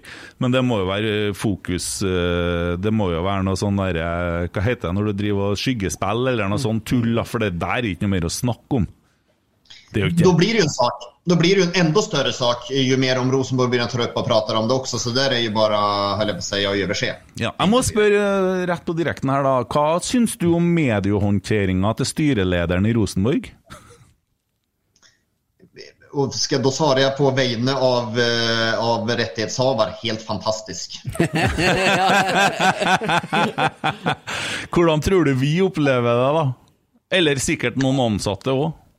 Ja, kanskje ikke like bra som eh, vi opplever, opplever han. Men, Jeg vil si, men, det, jeg vil si den er veldig dårlig. Veldig dårlig. men, men det skal sies at jeg, vi opp, altså mediehåndteringen til Dorsin er heller ikke så der veldig imponert eh, over. For han, jeg vet jeg ikke om hvor han er nå, om, om Rosenborg låst inne på et rom. För han har jag ikke hørt eller sett av den siste tiden. Nei, Han har nok gått Rune Bratseth-skolen og tatt seg faen på at han skal ikke slites ut av media, og derfor hver gang han dukker opp i en podkast eller noe sånt, så er han rett og slett det motsatte av deg. Det høres ut som en sånn så blir, det, det er ingenting, og det gjør han helt med overlegg for å kunne få jobbe i fred med det han liker, og så gi faen i sånne der ting. Det er, tror jeg er en agenda han har. Og Jeg tror han har gjort det til en greie og skal være kjedelig i podder, og sånt, bare så han slipper å bli masa på. Jag, jag syns det er viktig som en, en leder også som i Rosenborg og der at han må på må, Det handler jo om å selge klubben litt grann også. Det, det gjør det Og da må man på en måte noen ganger ta eierrommet når man kommer i sånne situasjoner. Så jeg hadde ønska at han var litt mer framåt. Ja. Det tror jeg det er veldig mange som ønsker, og det, det blir liksom sånn at eh, Rosenborg har blitt en sånn både styre og ledelse blitt en sånn homogen gruppe hvor man, det er Koteng som uttaler seg, og så det vokser ikke pondus på resten når du ikke hører noe fra dem, og så begynner du å lure på eh, hva, hva er det som skjer, og så det, det er så lite som skulle ha vært gjort underveis av kommunikasjonen til medlemmene for at liksom har hatt noen sånn knagger å henge ting på. Det har vært ingenting, og da går jo folk og kokler og spekulerer. Ja, så blir det sånn Ivar får skylda for alt òg, da. Men uh, nå har han jo håndtert ting jævla dårlig. Og han har jo name-droppa. Altså, han er en veldig god trener. Altså, du treng, kan ikke bare si ingen kommentar, da, og så gå fra det, da. Så, uh, sånn Småkommentarer lager jo mer forvirring enn noe annet. Også det han har gjort i dag, å gå ut og si at ja, der er dem. Han har jo sagt det. Det er der er Falkenkameratene. Nå er ikke jeg noe sånn Falkenkameratene-fan, jeg misforstår meg rett, men også å gå ut og si at de har hengt opp det banneret Det var jo ikke dem som har hengt opp det banneret. De driver da ikke med sånt, de. Der er jo noen supportere som er dritlei det, som har gått og så gjort det ene dagen fyrer de opp pyro, andre dagen henger de opp bannere og ytrer meninga si på den måten. Det er bare en gammeldags Twitter. Ja. Med capslock. ja, det er det. Så nei, det, det syns jeg er elendig. Og det tror jeg Rosenborg må ta inn over seg, at litt av omdømmet handler om hvordan du håndterer media. For det går ikke an å gå og irritere seg over media på noe plass, eller eh, hva jeg skal si, det går ikke an å gå rundt og gjøre det. det, det er- hva- Men det, det som Joakim sa i sted, vi er tror overhodet ikke er ferdig med den uh, Dorsin-sagaen. Altså, der, har- der er det bare stilt nå, og det er råspennende å høre hva som kommer der neste, Vi har jo fått et, korsvei. spørsmål, om, har fått- et spørsmål rundt det fra en som heter Stig Aaserud. uh, I forhold til hva du, Joakim, gjort hvis eh, du var i samme situasjon som Dorsin har vært i den siste uka? Ja, altså Nå kjenner jo ikke alle detaljer, men sett utenfra så er han jo fullstendig eh, er han jo fullstendig vingeklippa virkar som. Og, og da er det spørsmål hva, hva, hva, har, hva har han for autoritet kvar i en, i en sånn rolle? Hva har han for beslutningsmyndigheter eh, der? Så, så sett utenfra eh, så er det umulig å fortsätta. Då hadde det vært umulig å fortsette, hvis det er sånn det er. da. Så det er jo ganske den kommunikasjonen, hvordan de kommuniserer det her nu RBK og, og uttalelsen, när Dorsin uttalar sig nästa det, är, det bør de tenke igjennom. For det er svært viktig med tanke på hans framtid i, i, i klubben. Den bør være svært, svært ryddig kommunisert. Sier du det for at du har litt lyst på den jobben, eller? Ingen kommentar. Har jeg, kunnet svensk nå, så skulle jeg prøvd å lage en parodi her på at jeg er snart uten jobb om et år. Og... Ja, ja, ja det, det er kanskje det, ja, ja. Men er det noe jeg, er det noe jeg gjør, da er det å ikke spille minusklubber i alle fall. Det skal gudene vite. Så at jeg, jeg selger meg veldig dårlig inn i hvert fall har jeg gjort. Så at eh, de, de siste par årene så tror jeg at eh, da må alle styrer byttes ut i alle klubber hvis jeg skal være en form for aktuell for noen klubb. For det er det siste jeg har gjort. Mm. Han Stig André der, som du snakker Nei, den andre han er Stig André Lippert. Blir Jokke litt rundere i svarene når, han er på besøk i Løvens hule? Jeg tror ikke han skjønner at han er på besøk, hvordan hula han er på besøk i. vi har gått litt langt noen gang, vi òg, men det har vært mer sånn humoristisk aspekt. eh, Ja, og Renta litt folk og litt sånn. Og, ja, så, men vi har, Vi har drept noen. Vi, har, nei, vi, har, vi roper litt noen ganger, da. Ja. Ja, roper veldig, veldig mye. Du, jeg bare satt og kikka på den Adressa-artikkelen som kom ut i sted. Du sitter og holder med det. Han sitter Ja. og leser. Jokke, vi Men er det litt sånn påfallende at det er hele tida TV 2 som kommer med, med nyheter om uh, trenerjakta? TV 2 er håpløs. Ref den eh, lekkasjen i styret? De er håpløse. Knutsen har sagt nei til RBK, sto det for lang tid siden. Og så ringer de. Hei, det er fra TV 2. Du, har du lagd en eh, Rosenborg-sang om Knutsen? De bare graver. De, er- de er sjalu på en Jokke, for at det jobben til han vet du, det er å melde så hardt at han får overskrift av han. Sant? Ja. Det har jeg sagt om dere før. da. Dere er jo større stjerner enn spillerne snart, sånn som dere holder på for å skal lage overskrifter. Så der har du problemet i norsk fotball. Det er jo faen meg ingen som vet hvem spillerne er lenger, det er jo bare eh, journalistene som blir sånn superkjendiser. Så det Jokke og Bengt Eriksen. Ja, men Før så satt de bak målet med et fotoapparat og ble truffet av ballen og svima av litt og litt sånne ting. Ja, kanskje fotografen, det, men Ja, kanskje. Ja. Kanskje det har vært noe senere. Sitte i jeg holder alle dører åpne, ja. Ja, ja, ja. Kult. Ja, Tommy, har du noe mer spørsmål der, eller? Vi har så inn i helvete mye spørsmål, vet du. ja. Tore Dahl har jo stilt eh, spørsmål i eh, skikkelig uh, Koteng-ånd, da. Hvor lenge tror du Kjetil Rekdal sto på den veldig korte lista? Men jeg tror ikke han har stått lenge på den listan. At han har stått på den listan i et par uker. Tror ikke det er noe spesielt lenger, lenger enn det. altså Det tror jeg ikke. Jeg tror det er at han kom opp på den listan når man så at Kjetil Knutsen Oi, det her går ikke som vi har tenkt oss. Eh, Da tror jeg at han dykka opp. Da så de seg rundt igjen. Hva har vi for alternativer? Hvilke finnes det? Kjetil Rekdal er eh, mannen som kan skape resultater hos RBK. Så jeg tror ikke han har stått lenge på den. Jeg tror han har vært eh, veldig, veldig mye kortere enn hva de har gitt uttrykk for. Det som blir jævlig bra, det er at når vi slår Bodø-Glimt neste år, så blir det så utrolig mye deiligere å slå Bodø-Glimt med Kjetil Knutsen som trener. Hvis han ikke ferdig til et annet land, det vet jo ikke noen ennå, for han driver og torturerer dem. Men det er jo ikke så dumt, for han har nå tjent helsika mye penger på bare på å ikke gi noe signal på at ting er avklart. Han tjener mer penger i året enn Tommy og kjerringa tjente sammen hele sitt liv. Ja, det, det, På å trene Bodø, Tommy! Ja. Bodø! Det er ikke noe folk som ser på kamp der! Det er ingen! Nei, han har, han har trukket et gullkort her i livet. Det Og det må være som en sånn traust gymlæreraktig, en sånn som en grå O-faglærer eller noe Hei, hei, sånt. hei. Ta av deg salaten og ta den Han gjør jo det! Han han ser ut som Jeg sa det sist, han ser ut som en sånn fyr som stiller opp på dugnad, og som er sånn Men er det lov å spørre om han har glassøye? jeg, jeg tror han var dritings på intervjuet der. Ja, det kan være. Det er lov da etter å vinne serien. Ja. Ja. Litt sånn Ja. Nei, men det er lov å begynne å rente den litt nå. Vi er nødt til det, vet du. Eh, Rosenborg har jo òg bala noen helsike med, å- med, med spillerne. Vi har jo, vi jo slutta med å behandle folk bra her, på en måte. Eh, Anders Konradsen vet jo ikke om han spiller i noen klubb neste år, blant annet. Eh, og vi har en Besim og en, eh, en Even Hovland som ikke har villet signert på tre kontraktsforslag hver, så vidt jeg vet. Og Ergo så må vi ha to nye midtstoppere neste år, og PA, Per Are Johansen, spør eh, hvordan stoppere bør Rosenborg hente neste år? Stoppere er det dessverre en sinnssyk mangelvare på. Det er jo veldig, veldig vrient. Jeg er veldig usikker på Pavle Vagic-prosjektet som eh, stopper. Det er jeg veldig usikker på. Han har ikke spilt veldig mye stopper i Sverige heller. Ja, han har gjort det noen U21-landskamp og så, men eh, han har spilt mest midtbane, så det er jeg usikker på. Du så Rosenborg Brann òg? ja. Men, men jeg syns det har vært, eh, det har vært så der. Så at eh, stopper er, eh, er ikke enkelt. De har vel ikke vært helt fornøyde med Holmar heller, men Holmar har jo kontrakt. Det er klart, Ved siden av han så må man jo ha en bolltrygg spiller, men det er, det er få få norske spillere i alle fall. Jeg kan ikke se en stopper i, i Eliteserien som er interessant for, for RBK per, per dags dato. Det er Det er mange som tenker Ja, det, Der har jeg et uh, oppfølgingsspørsmål da, i forhold til norske midtstoppere. For det er en som spør om uh, Sigurd Rosted er et naturlig mål for Rosenborg.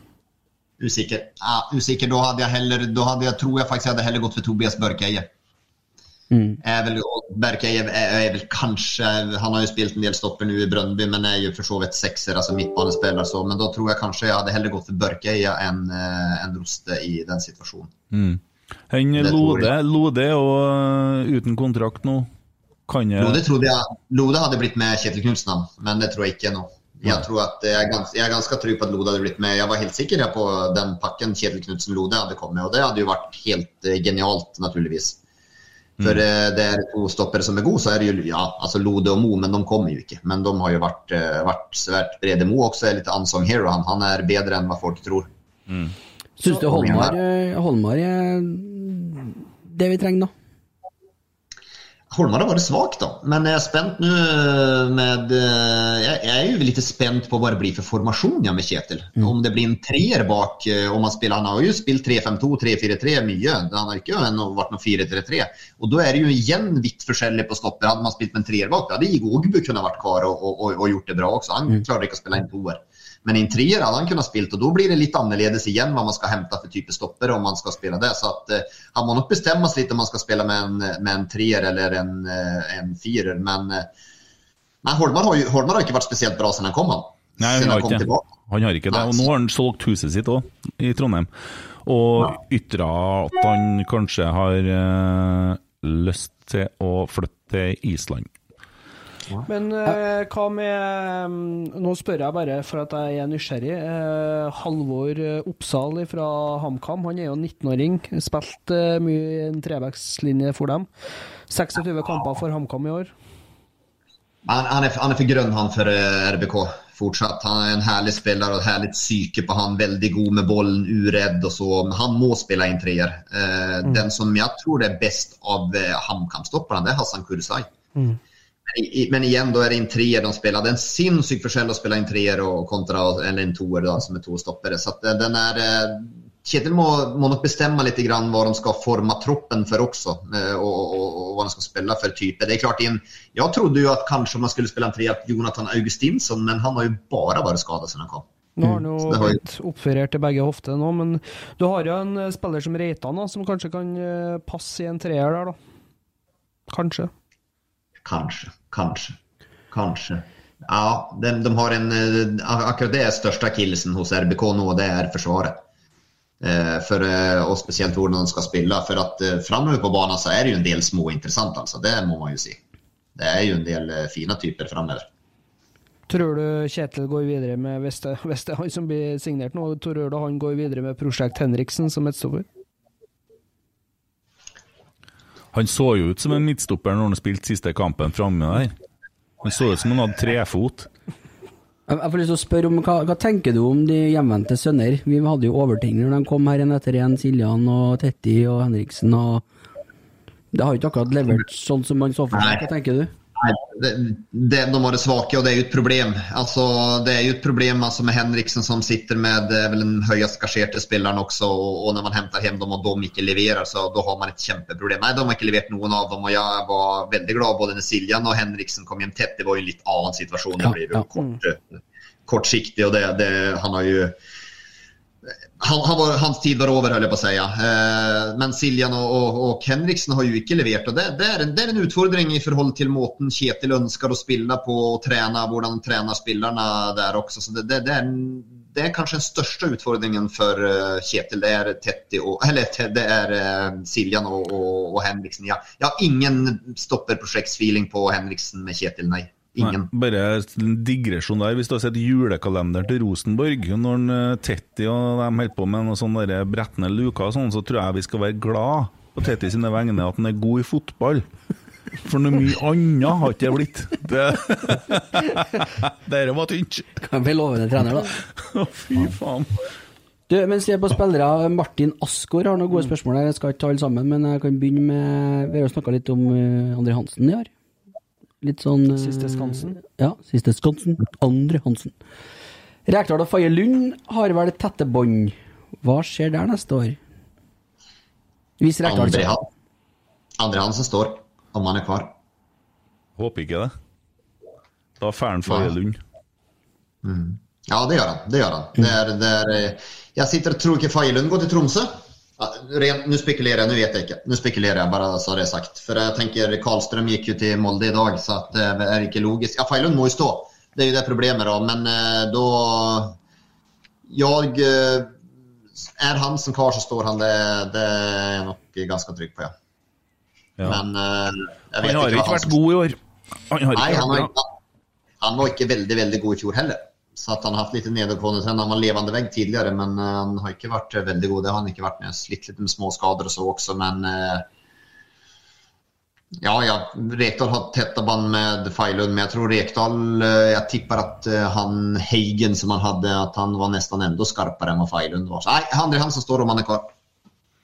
Ja. bare, bare si en ting. Det er en som kaller seg BGFE2020, som har stilt noen spørsmål.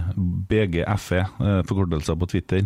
Jeg skal bare si til deg at du får ikke med spørsmålene dine. Du er Bodø-supporter og ekkel på Twitter, og jeg hæler ikke å lese opp det du skriver. Ikke følge deg. Jeg kommer til å begynne å følge deg, bare så du vet det. Slutt å kommentere på innleggene mine, for jeg liker ikke deg. Ja, det var bare det. Ja, hvordan takler du sånne nettfolk hele tida? I dag ble jeg retvita av en fyr jeg som skulle ha meg til, og som begynte å skrive hva jeg mente, og delte mine meninger. De var ikke rett engang. Dæven, du får sikkert kjørt deg ganske hardt, tenker jeg. Ja da. Ja da. Nei, men jeg vet ikke. Jeg har noen Altså Min ekskone sa at jeg hadde en god egenskap. Eh, Vi satt og spiste en gang eh, med, ved matbordet. Da sa hun at, eh, at jeg hadde en egenskap som hun ønsket at barna fikk også. Det var at jeg bryr meg ikke om hva andre mener om meg. Og det har jeg aldri gjort. og Det tror jeg kan være god egenskap. Ikke hun heller, sikkert. Nei, nei, nei. Det skulle du ha tenkt på. Hun sa to ting, og den andre var at du følger aldri med på hva jeg sier, men det fikk ikke med seg.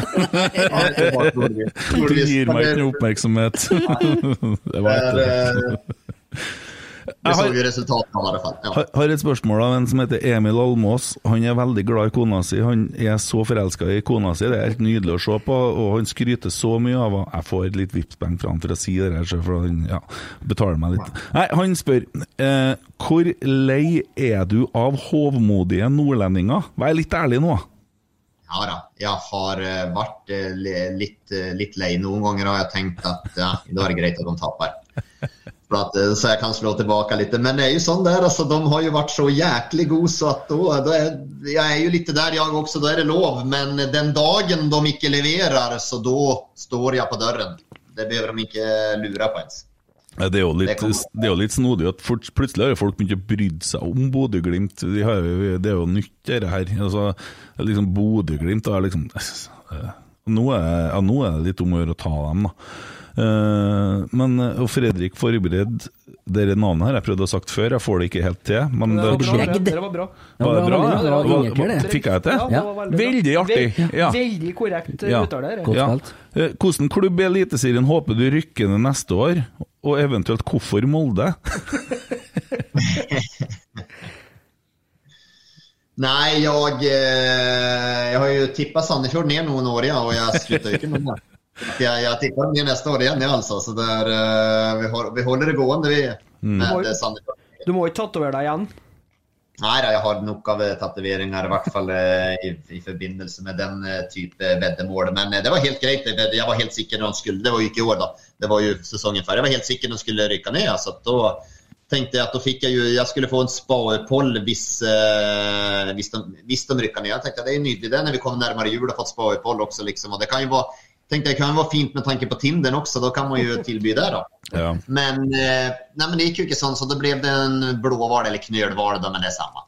Men, eh, der, så at, eh, men det var fortjent. Man fortjener det når jeg er i kjeften. Så da, og, og sen er det, ja, det var jo mange som trodde at jeg, ikke, at jeg ikke skulle gjøre det, men det var ikke noe det var no-brainer. Selvfølgelig skal man gjøre det når man har gjort, inngått et veddemål. Så da kan man ikke vike ned seg. Men nei, jeg håper ikke at noe lag rykker ned. Det, det, men det er jo litt folk det er jo ofte jeg får på Twitter eller meldinger i det at jeg Det fikk jeg til og med i går, at jeg holdt med Brann. Av en eller annen grunn så leste jeg, fikk jag några meldinger i inboxen at jeg var idiot som kunne holde med Brann, og varför jeg skulle kommentere når jeg holdt med Brann. Men det har jeg vel aldri gjort. Men, eh, men det er jo mange som når jeg kritiserer en klubb eller et lag, så tenker de at jeg hater dem. Det jo ikke sånn. Jeg, er jo ikke, har jo kritisert eh, Rosenborg många ganger. Ja, det betyr ikke at jeg hater Rosenborg, men jeg, jeg kan ikke holde på å jatte med og stryke folk på ryggen i hele livet heller, for det er ikke min stil. Utan eh, de, de får tåle Er de dårlige, underpresterer eller svake, da får de tåle det. Og, og takler de ikke det, og tåler de ikke det og Det er mange klubber som, eller mange som jobber i klubbene som faktisk ikke tåler det heller, men eh, da er det faktisk deres problem, altså. Mm.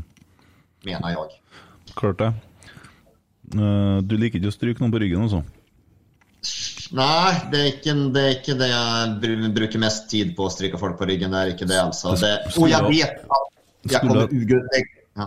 Skulle ha tenkt på når du var gift, det var bare det jeg tenkte på. Bare et tips. Ja, ja, det er bra at jeg skal ta med meg til neste Eller neste, jeg skal ikke gifte meg med mer. Altså. Jeg må ligge med resten av livet. Ja. Men eh, da, det er eh, Nei, noen rygg, ryggstryker er jeg ikke. Og det vet jeg at det gagner meg ikke. For det er jo sånn samfunnet er bygd opp mange ganger, og klubber og fotball, fotballklubbene er bygd opp. At de ønsker jo ha folk rundt seg. Lederne ønsker å ha folk rundt seg som går og stryker dem på ryggen og pusser skoene deres. Så at eh, Det er ikke jeg. Dorsin står jo og så pusser sko i brakkene. Ja, når de kommer på så pusser det. Ja. Ja, ja. Dette var veldig bra, det, Mikke. Veldig, veldig fin. Nå skal jeg gå på møte, så får du vente til vi er ferdige her. Det? Får du, får du høre etterpå hva du har gjort for noe. Eh, ja, en Kristoffer Grud eh, Det er sikkert en forkortelse, jeg hadde datt bort noe på screenshoten min, det bruker å skje, det driter jeg i. Det det. Kristoffer Å, gjør den, ja? ja. Kunne ha fjerna den R-en, da. Gud. Ja.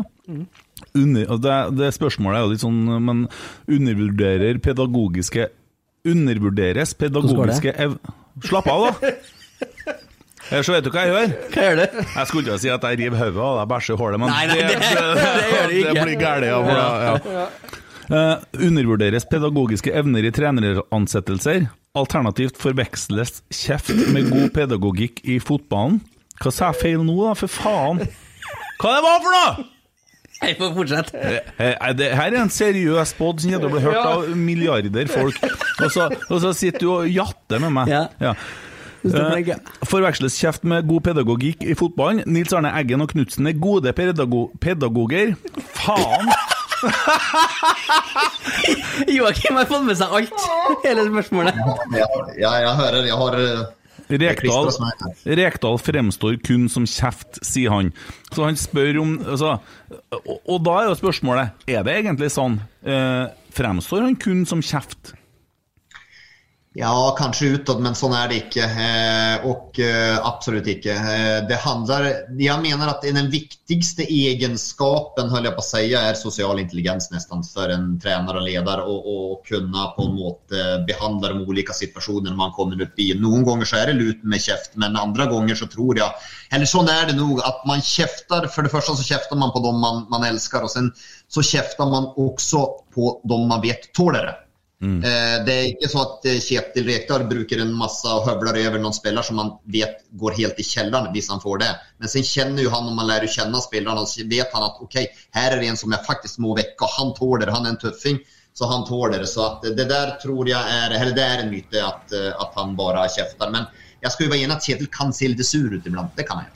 Jo, men altså, han, han refererer, refererer jo til Nils Arne Eggen som en god pedagog, da. Og så sier han at Kjetil Rekdal er kjeft, men altså, Nils Arne Eggen skulle jo kappe fotene av en Mini og skulle sette igjen folk her og der. Og, Skjøt. Ja, og var jo, han var jo gæren. Og det er jo det vi får nå. Vi får jo en som er litt mer altså, Han melder, og han det, Vi får passion. Det er jo for faen meg det vi har mangla.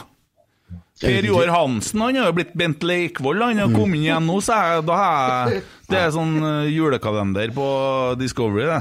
Vi liker Discovery. Altså. Per Joar hadde ikke tatt med meg som assistent, i hvert fall. Det, det, det er jeg ganske trygg på. Men, men når vi prater om, altså, jeg var ju innom det i starten her også med Geir Frigård. Jeg tror det er veldig viktig. Det blir prat om Kjetil Rekdal, Kjetil Rekdal, Kjetil Rekdal. Ja, han er det store navnet, og han er treneren, og, og han er frontfiguren her också.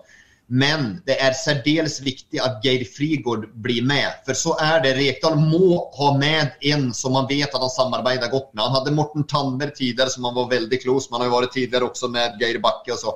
Han må ha de her typene som kjenner han, som skjønner litt tørrvittig humor som man har Kjetil. Geir Frigård gjør det, så han er særdeles viktig. Jeg hadde varit mer, heller vært mer urolig hvis Geir ikke det går å løse han. Da hadde jeg blitt litt stressa. For jeg har jo sett at uh, har det ikke vært spekulert i litt ulike assistenter? Var det ikke noen som hadde Svein Målen som noe alternativ inn som en assistent? Ja, jeg var Det- kanskje litt innpå den tanken, men jeg er veldig glad i Svein Målen. da. For han er undervurdert, og det ser vi i Ranheim nå, hvor bra Svein Målen faktisk egentlig var. Ranheim har vært helt ræva. Og det Og det er ja, altså Ranheim er helt fryktelig. Ja. Men det er jo Og det er jo udiskutabelt. Men igjen, Svein Mål sammen med Kjetil Rekdal, de står for noe helt ulikt. Jo, jo, Altså, men kan eh, på, på den analyseparten Det vi ser nå, altså Jeg er enig med deg at Frigård bør komme, eh, fordi at uh, dem, de som sitter som Det assistenter bør han nå. Ja, og, Han det, må. Ja, og, og fordi at assistenten her har jo vært med på herre her eh, tredje, fjerde, femte Han har jo vært med på denne nedturen. Og det er ikke noe galt sagt om Trond Henriksen, vi er glad i han, og han kommer til å være i klubben for bestandig, men kanskje de trenger litt hjelp på akademiet, for å si det mildt. Vi orker ikke gå til akademiet nå, for da, da blir det for mye til meg. Jeg klarer ikke å bære alt. Men, eh, men eh, så, sånn at vi trenger noen nye tanker og friskt blod inni det, det gjør vi. Og nå ser vi jo det at han, at han godeste Geir Hansen og flørter på Twitter, for han slutta jo i Ålesund når Rekdal kom dit, eller når Rekdal var der, på grunn til uenighet om sportslig og oppfattelse om hvordan fotball skulle spilles. Og det er klart at For Geir Hansen så er dette sikkert en jævlig tung dag, for at han har vært i en klubb før hvor han slutta pga. en mann som nå blir ansatt i Rosenborg. Og Nå skal han da sitte og scoute og være analyseekspert for eh, Kjetil Rekdal med to stykker som har hatt en klinsj allerede. Det ser ikke jeg for meg kommer til å funke. Da må vi ha en ny mann inn der, for vi har jo levd uten sånn scouting vi nå i gud vet hvor lang tid, og det har fungert jævlig dårlig. Der har du en jobb, vet du. Enda en jobb.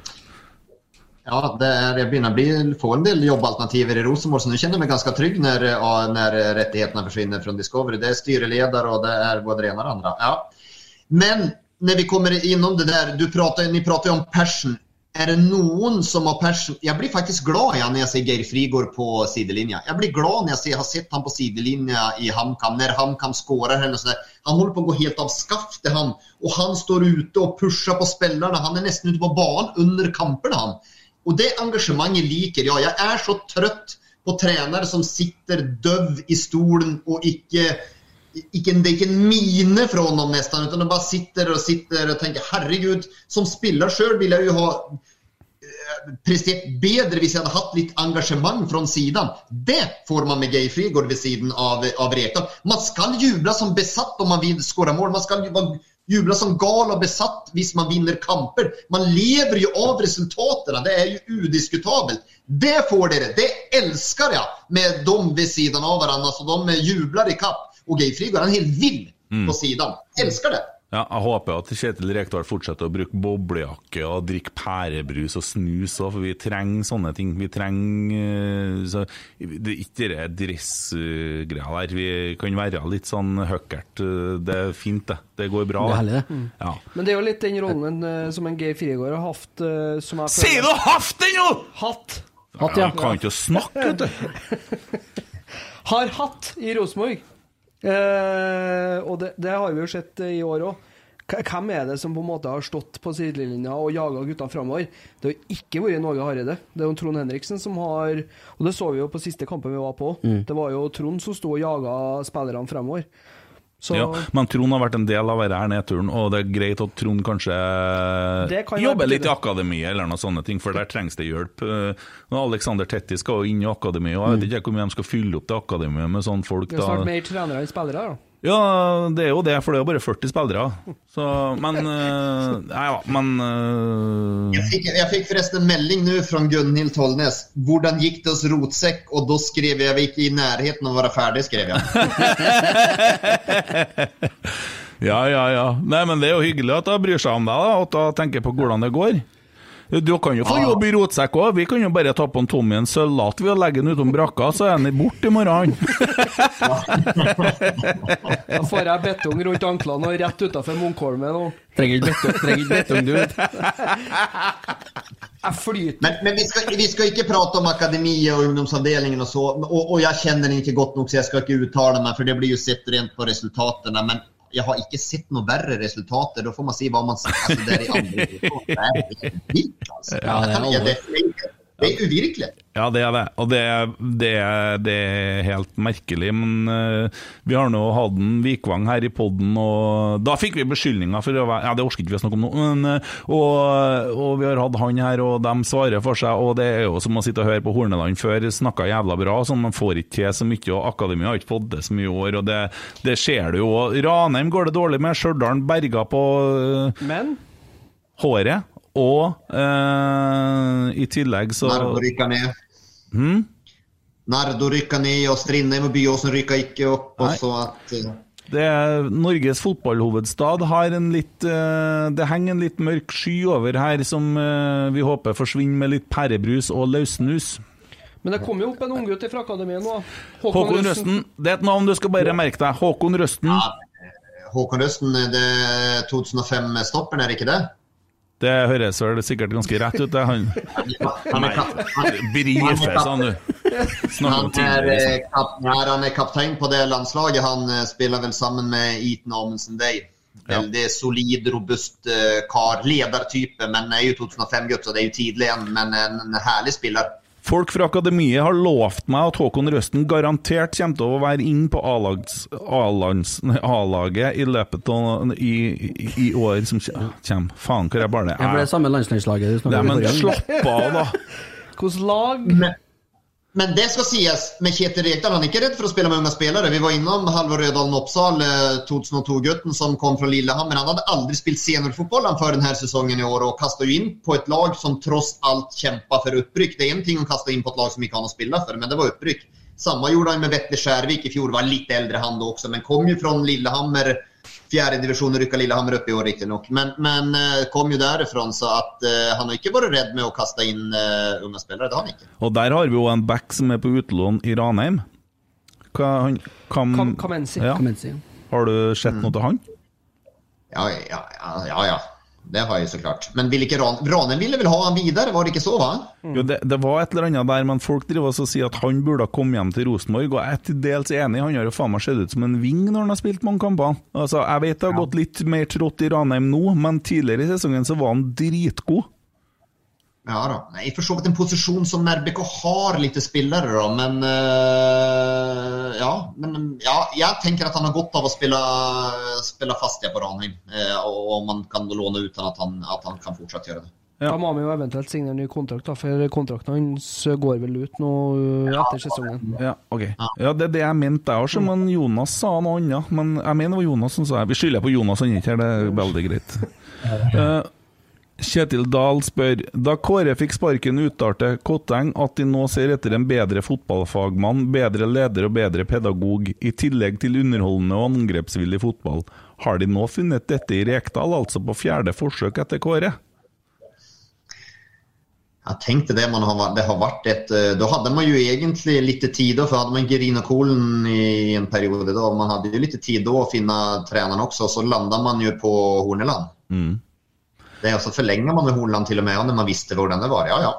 Eh, den er Eh, Nei, jeg, altså det, jeg fikk det spørsmålet i dag, eh, og eh, da fikk jeg spørsmålet Har man funnet For han har jo pratet mye om det her offensivt underholdende fotball. Og da fikk jeg spørsmål har man fått en sånn trener på det, og da svarte jeg litt unnvikende på det, og jeg sa man har fått en trener som skaper resultater.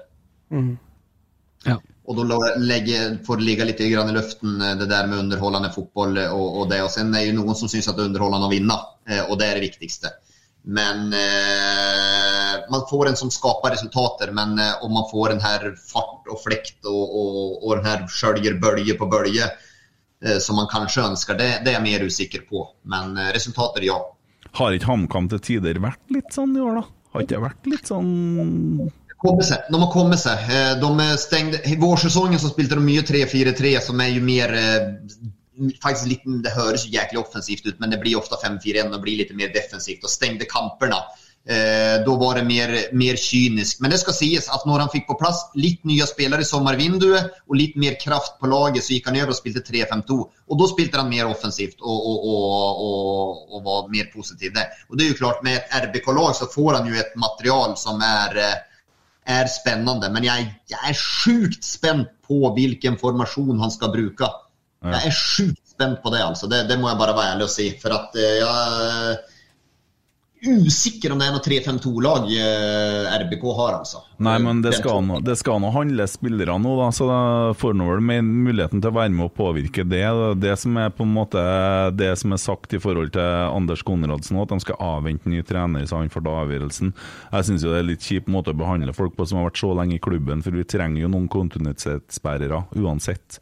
Og når han har vært innpå, så har han jo levert. Men hvordan han passer inn i en sånn eller sånn formasjon, det vet ikke jeg, da. Men vi har jo nå sett Rosenborg i et par år, ikke skjønt helt hva som har vært formasjonen. Selv om han har skrevet en ting på papiret, så har det ikke sett ut som noen ting, for det har faen ikke vært noen plan bak noe.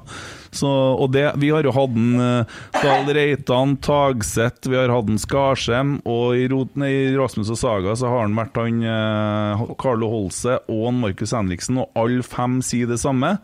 For jeg spør dem eh, hvorfor eh, er det sånn at hvis Rosenborg har, i hvert fall på papiret, vel så god stall som Bodø-Glimt, hvorfor er det så stor forskjell på lagene? Jo, fordi at vi har ikke noe plan. Er det samme svaret, og det har de jo sagt i sesong her òg, da. Eh, Og, og, og, og, de, de sier det helt åpent, det har ikke vært noe plan i det vi har. Så så det er, jo, det er jo ledelse, og det får man jo nå. Er det jo noe man får, så er det jo en plan. Ja, men det, det får man. Det, den får man. Man får en tydelighet og, og, og man får en plan. Og sen så Igjen så kan det gå på tvers med det klassiska RBK. Då. Men, men det klassiska RBK det får man aldri oppleve igjen. Eh, det må man bare være klar over det også. Så på en måte så kan det kanskje være greit bare å få bryte ut av det også. Jeg er enig, for jeg tror den der drømmen om eh, 1995, eh, 1998, alt det der, det tror jeg vi må, nå må vi begynne altså å gå videre. det, Rosenborg i 2021 hadde kommet til å knuste Rosenborg eh, fra 1994, fordi at alt er annerledes nå. Og, og det, ting går jævlig mye fortere, og fotballen har endra seg. så Vi kan jo ikke sitte og så uh, bestemme på et styrerom hvordan vi skal spille fotball basert på resultatet i Europa som er 20 år gammel. Det går ikke an, det. Det, det, det som har vært bra med Milos, for han virka som en sånn type som kom inn til Rosenborg og sagt 'Hvem er Eggen?' Jeg driter jo han, han er ikke her.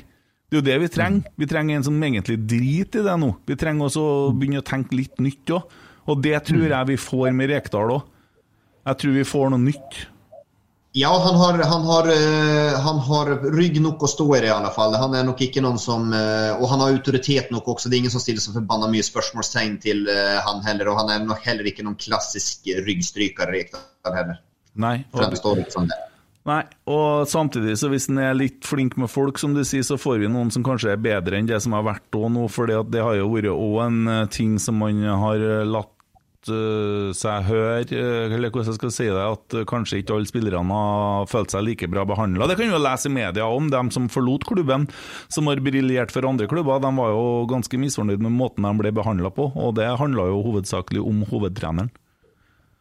Men her igjen, så nu masar jag lite på det här med eh, Geir Frigård, men jag tror det är viktigt att få med honom. Eh, Jeg tar det igjen just når du Ja, prater om men her. jeg, stikker årene, det nå etterpå, så det blir Kan du gjøre det? Ja, ja, ja, ikke problem. gjøre det, og jeg tror vi fortsetter å prate, hvis jeg tror jeg du rekker tilbake. Og, Ja, ja, det er ikke problem. Han er på tur, han er på tur oppover i lag med Kjetil, han. Ja, ja, ja, ja. Men, men, men jeg tror det er viktig, for det er nå det som har vært en av, eh, av eh, på en måte suksesskriteriene i, i HamKam også, på en måte, at han er med Frigård og leser litt i klima der, på en måte, og noen ganger eh, så, sånn er det å være hovedtrener, som er det ubekvemt noen ganger også. Da må man ha den her assistenten som kan være der på en måte og, og eh, plåstre litt, legge på et plåster her og et plåster der. Og Da tror jeg det er viktig at Kjetil har med en som han vet, og ei heller at, Kjetil, eh, at det er en med Kjetil som vet hvordan Kjetil fungerer. Skal Kjetil arve et støtteapparat og det mener jeg ikke bare generelt nå, det mener, eller det mener jeg ikke bare nå, det mener jeg generelt. Arva støtteapparat, det går ikke. Glem det. Da, er, det- da sitter man på, på låntid, altså. Ja, ja, men nå har jo nesten alle slutta. Fysioterapeuten har slutta, eh, legen har slutta, og flere på markedet har slutta. Pappaen til Marius Lundemo har slutta. Altså, det er mange som har slutta. Så det, han arver ikke så mye. Det, det er bare restene igjen. Det er som jeg sa til han den nye typen til ekskona, bare ta resten nå. Det, det, bare bare larvene, vet du. Ja, ja, det går her. Normalt bak meg her hadde jeg et maleri som var pent, stort, dyrt som helsike også. Det er ikke det lenger. Nei, jeg skjønner hvor det henger hen. Det, det henger noen um, kilometer, mil borte for meg. My Ja, ex-wife had a better, better lawyer. Det engelske betyr min ko- ekskone. Nei, jeg tuller bare. Ja, ja, det, ja, ja, ja, det, det må oversette, ellers så kan det her gå snett. Ja, that would be a disaster, what? Um, eh, Marit Jørpeland sier hva mener han er realistisk mål i forhold til å spille i Europa, men det har vi jo delvis vært innom, for det neste målet er å vinne serien. Det bør det være, og da er det jo Champions League-kvalifisering, da. Og plutselig så Det kan jo fort skje, det. Kan skje. Kan skje, det, så. Lang vei dit, men det kan skje. Nei, vi var jo jævlig nært for bare noen få år siden, under Horneland. Det var den kampen vi var jo på, og da var det akkurat Det som det sa puff, etterpå. Etter, ja. Det var bare et helvetes langskudd. Men det tror jeg Kjetil Rekdal kommer for å vinne. Det, det tror jeg det som trigger også det, for at han kommer til en klubb som kan vinne, og det har han ikke vært i på siden i 2004-2005. Han var jo, har jo vært i Ålesund, ja, han vant NM og så der, men det er no, noen ting å vinne NM kontra å vinne serien. Så det, det, det tror jeg trigger aller, aller mest at det her, ja, nå kan man vinne. Ja, så- Bør man vinne? Skal man vinne? Artig for Rekdal, da, som egentlig har hatt bare skitlag å trene. Han har jo hatt bare sånn derre under midten på tabben-lag. Ja, Vålerenga, da gikk det jo bra. Det gjør det. Ja. Også, Ja, to i gull i 2005. Ja. Og sølv i 2004. Og så klarte han vel å rykke ned med dem òg, da. Gjorde han det? Ja, det var Nei, gjorde Nei, han det? det? var jo, ikke det- mot det. Det var den Ja, men det var det ikke 2001 Mikko Kavén sto utenfor målet. Men spilte han eller trente han da? Det er jeg faktisk litt usikker på. Men jeg tror at Mikko Kavén sto utenfor målet eh, på når de røk mot Sogndal. Tommy Øren avgjorde. Tommy, har du noen spørsmål du, eller sitter du her bare og gaper? Tommy er ikke så enkelt for han, for at det går, må snakke litt langsommere innimellom, og så han, virker han plutselig en liten stund, og så detter han litt ut igjen. Så det går litt sånn i bølger, da. Nei, vi har jo fått det fra Jørn Sund Henriksen, da. eh, fra utsida virker det som en uh, Rosenborg er en klubb der alt har gått galt. De siste årene så har han skrevet alt da med sånn uh, hermetegn over. Uh, Men har de hatt litt stang ut? Uh, Et eksempel på det, de virker jo som de var millimeter unna Signe Kjetil Knutsen, og så blander de seg òg inn i gullkampen, men så var det noen absurde røde kort. Og plutselig så var de ute, og trenden svingte, og femteplass endte vi på. Stang ut har de ikke hatt. Utan eh, Rosenborg har fått akkurat det de har fortjent de siste årene, akkurat som Brann fick fikk i går også. Ja, de hadde Brann hadde stang ut i går, men eh, ser man sett over hele sesongen så har de eh, røra fælt. Så att det der var eh, det der de upparbeidet seg, höll jag på å si. Og eh, over så lang tid så Enkeltkamper kan man, eh, kan man ha i, men sett over säsonger som Rosenborg, og trenden har jo faktisk vært negativ. eh, Som sagt, vi har jo vært innom det 3, 4, 5. Så at eh, de har fått eh, akkurat det de har eh, fortjent. Det tror jeg viktigst av alt er at de tar det inn over seg. Mm. Jeg er helt enig, vi er nødt til å ta det innover oss. Jeg òg må jo begynne Jeg, jeg er sånn, prøver å være sånn motgangssupporter og si at vi tar gullet, og vi får Kjetil Knutsen og halleluja og skriver sanger og sånn. Men man må jo på en måte bare ta fram speilet. Det hadde vært kult, og det satt jeg og tenkte på en dag. Det man skulle gjort, det å kjøre til brakka og satt et svært speil på trappa. Enkelt og greit. Se deg Ja, sjøl. det har vært kult. Det, det er liksom Det er en sånn litt kul gest å gjøre, da. Men eh, det ble ikke gjort. Man eh, gjorde noe, ja. Men det er jo greit, det òg. Det er jo greit. Det er en markering. Gammeldags. Twitter, det. Ja, det er en gammeldags tweet. Med capslock. Ja. Ja, bare fortsett, Tommy. Jeg kan, ta, jeg kan fullføre. Han Martin Asker hadde jo så mange. Eh, hvilke spillere ligger tynt an når Ekdal skal rydde i troppen? Det er jo rydda litt fra før der, men eh, Ja, altså det er jo vanskelig å rydde folk da når de har kontrakter. Det er jo ikke så forbaska lett. Det er jo, det er jo, de har jo solide kontrakter også, så det er ryddet. Men, men at just det her Siljan Henriksen, det, det, må, han, eh, det må han løse, altså. Eh, Hvordan han løser den. Den er, den är jag mest spent på. Och, och, å ta det. Men det er jo ikke bare å rydde i dem. Det det er jo ikke noe Det han kan rydde, det er jo Anders Konradsen. eh, Det kan han rydde i. Even Hovland, Serbesic. Det går å rydde, for de har kontrakten har gått ut. Men eh, de har vel, ja, nå har vel de brukt lite utfrysningstaktikk brukte de vel under Hareide, under också med Åsen, Helland, eh, Valsvik också. Så ja, Ja, det, ja. Det er jo noe der, og det kan jo ansette han derre Krim Jim Solbakken vet du, som eh, agent for Rosenborg. Til, altså, da, da er spillerne Da- borte. da blir det ordnings. Der er triksing og miksing, og så poff, så er jeg fått det andre veien en gang. Det har vært noe. Men, men Siljan Henriksen er jo ikke noen spiller som, er, altså, som går til noen andre klubber. eller noe, det er ikke noe type typ Helland, Åsen, eh, Valsvik där, utan de er der. Mm. Så att där utöver det, så jeg syns det, det er mye spennende. Jeg er veldig glad i Karl Holse. Han liker jeg godt, og det er en spiller som jeg vil tro passer meget bra til Kjetil. Konradsen Sid Også er jeg utrolig glad i. Også en spiller som passer bra til, til Kjetil. Mm. Jonas han har jo 10 000 spørsmål, så skal slippe han til litt. Jonas Aune Sunde, vet du. du. Han har blitt plaga med, skjønner jeg. Eh, hvordan posisjoner bør Rosenborg forsterke, og kan du name-droppe noen? Nej, Det är ju försvar, de må ju förstärka försvaret. Alltså så enkelt är det. Det är framförallt försvaret de må, må förstärka. Eller så syns jag att de har eh, okej. Okay. Så har de den här spiss... De har ju ett... det, det er jo spissen da. Har de god nok spiss til å vinne gull? Men eh, det er vel lett kunde man eh, vem var det som tenkte at Lillestrøm hadde god nok spiss for eh, noen år siden? Det handler jo litt grann om hvor mye man skapar også, og det. Ja. Og da jeg kan Var det jo en mann en dro fram med Åge Hareide tidlig i sesongen, så var det jo Dino. Det var jo spådd til å bli eh, den store hiten i år. Og når at Noah Holm kom, så sammenligna han den med en blanding av Karev og Var det Haaland eller hva var det for noe? I hvert fall, her blir jo den nye Og Diversen kanskje? ja, ja, ja, ja, ja. Det var ikke småtteri, det. Og så har han skåra han i noen tidlige kamper, så forsvant han, gitt. Han har, han har måttet ha spilt mye, da, ung og har ikke helt lyktes. Nei, altså jeg er, jeg, offensivt syns jeg man har et ganske er brukbart skodd Jeg må jo si det, Vekke er jo god også, Det är, för han handler om å være frisk og det, Vekke er jo det er jo himmel eller helvete Og himmelen er jo når han er frisk og helvetet er jo at han er skadad. Ja, Vi har jo fått det samme greia som vi har hatt med Pål André Helland før. ikke sant? Vi har en spiller som er dritgod når han er ute på banen, men han sykler veldig mye han mens andre spiller fotball. Og Da er det jo spørsmål, da, Jonas igjen, da. Kunne Robert Taylor vært en fin backup bak uh, Vekka, f.eks.? Ja, Robert Taylor, han tror jeg han er i Godeglimt. Tror du det? Han tror jeg, ja, han tror jeg fort blir Glimt-spiller. Ja, eh, Taylor, Taylor er bra han. Ja, men- Eh, Vi gir en Dorsin den ene oppgaven, da. Men jeg tror, Taylor kommer, jeg tror Taylor går til Glimt og får starta nemlig.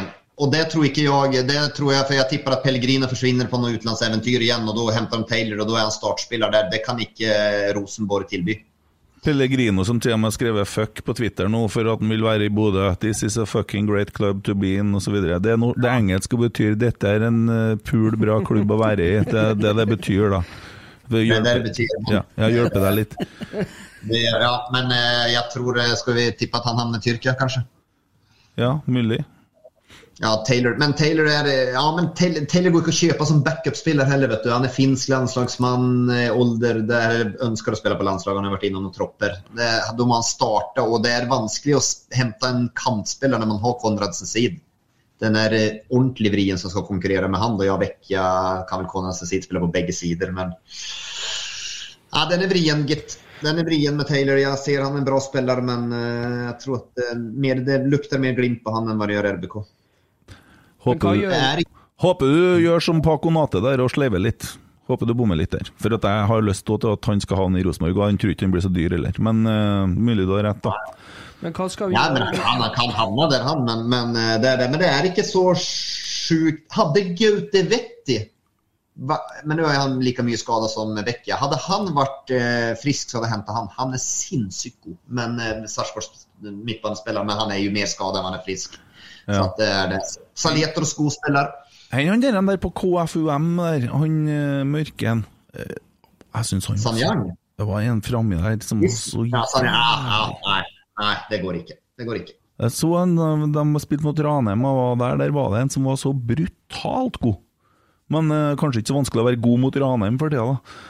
Det er mange som har vært det i år. Ja, det er det. Eh, skal vi se, Daniel Sandbekk han kommer med et spørsmål som vi allerede har vært innpå. Så kommer KK AKK igjen, han som slo i tastaturet. Eh, hvem blir tredjeperson i Indre bane-podkasten? Den er fin, den er spennende. Ja, vad spännande. Jag, jag, vet, det har, jag har ingen aning. Jeg vet ikke ens om det blir en Rebane-podcast heller. Nei. Nei, Nei, vi kan jo Det skal jeg fortelle at eh, Hør det her først. flere, flere ganger vet du, Hør det her først. Jeg vet ikke om det blir sin. Ja, da Det sa vi for to episoder. Ja, Vi vet ikke om det Det er jo bare sånn. Herregud, du har mye å lære. Det sa vi for tre dager siden. Altså. vi. Nei, altså, vi har jo sett på sånne lister og sånn, vet du, over sånne sportspodder i Norge. Vi har faktisk ligget foran dere noen ganger. Har gjort det? Det er Så ikke kødd. det, her er, et- det her er et steg opp for meg, med andre ord, i dag. Ja, men det skjønte du da du åpna Mac-en din. Ja, men når du åpna med sangen din, så skjønte jeg at det her var helt annet enn jeg sang bursdagssangen. Så det, det gjorde jeg. jeg gjorde det. Ja, det er klasse, vet du. Det, vi bare har mer fokus på én klubb, da. Men uh, igjen, da. Uh, kvaliteten på dem som driver det, er jo Vi snakker jo klasse. Vi snakker klasse. Veldig bra. det det. Ja, ja Tommy Arlen, nå kan du få snakke. Vær så god, Tommy. Vær så god, Tommy, nå kan du snakke. Nå? Nå, nå. Nå. nå. Ja. Nå. Prøv, da. Ja. Eh, hvordan ville du ha satt opp et RBK-mannskap? Det er jo da Jonas eh, Sunde igjen. Å, Jonas, ja. Ja, han ja. er- Har han kommet seg nå? Ja, Ja. så det var faktisk et bra Å, spørsmål. det var, det var hele spørsmålet? Ja. Å, Hvordan ville du ha satt opp et RBK-mannskap? Da er det Ut fra dagens Ja, jeg hadde blitt Vecchia, Islamovic, eh, Seid eh, på framme, da. Om man skal, tenker man 4-3-3, da? Vanlig, klassisk. Skal få velge sjøl. Ja. Eh, Det er ikke, de har ikke noe 3-4-3, eller jeg vet ikke hvem som skal spille det. Nei, jeg, der hadde, også jeg hadde spilt med i hvert fall Holse som indreløper. Det er jo helt klink. Mm. Du hadde ikke kommet til å satt den på Eh. kant, sikkert ikke. Ja, ja, det, er helt, det er helt klink at jeg hadde spilt. Jeg er glad i, jeg er glad i Skarsheim, jeg vet det. Ja, bra. Han er en fin fyr. Ja, jeg er glad i han, og jeg syns han er bra, ja. Ja. Skarsheim, eh, Holse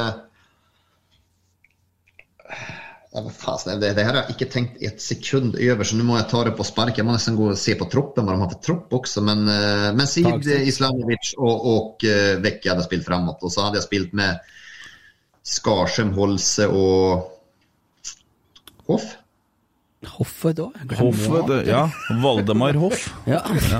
I'm gonna knock on your door Nei, men uh, du har jo også en uh, veldig, veldig god kar fra Frosta, da, vet du. Edvard Tagseth. Han har vært Ja, da, ja, han, ja da, han er, og det er jo, det er jo for så vidt han er, altså, Kjetil er jo glad i de her fotrappa, løpssterke typene hans. Altså, det, er jo, det er ikke noe tvil om det. Så det er eh, det er jævlig altså, bakover på banen. Det er at de har ikke noen stopper, vet du. Det er jo nesten så at eh, jeg hadde spilt med det blir, Hva blir det? Eyolfsson, Augustinsson per nå. Eh, Adam Andersson er litt unsung hero. Han har ikke vært så aller verst, han. Nei, han har vært jævlig god, og så har han hatt noen kamper hvor han har vært litt dårlig. Vi vet ja, ikke Vi er usikre på hvor god han var i Kristiansund, for da spilte han bare 16 sekunder.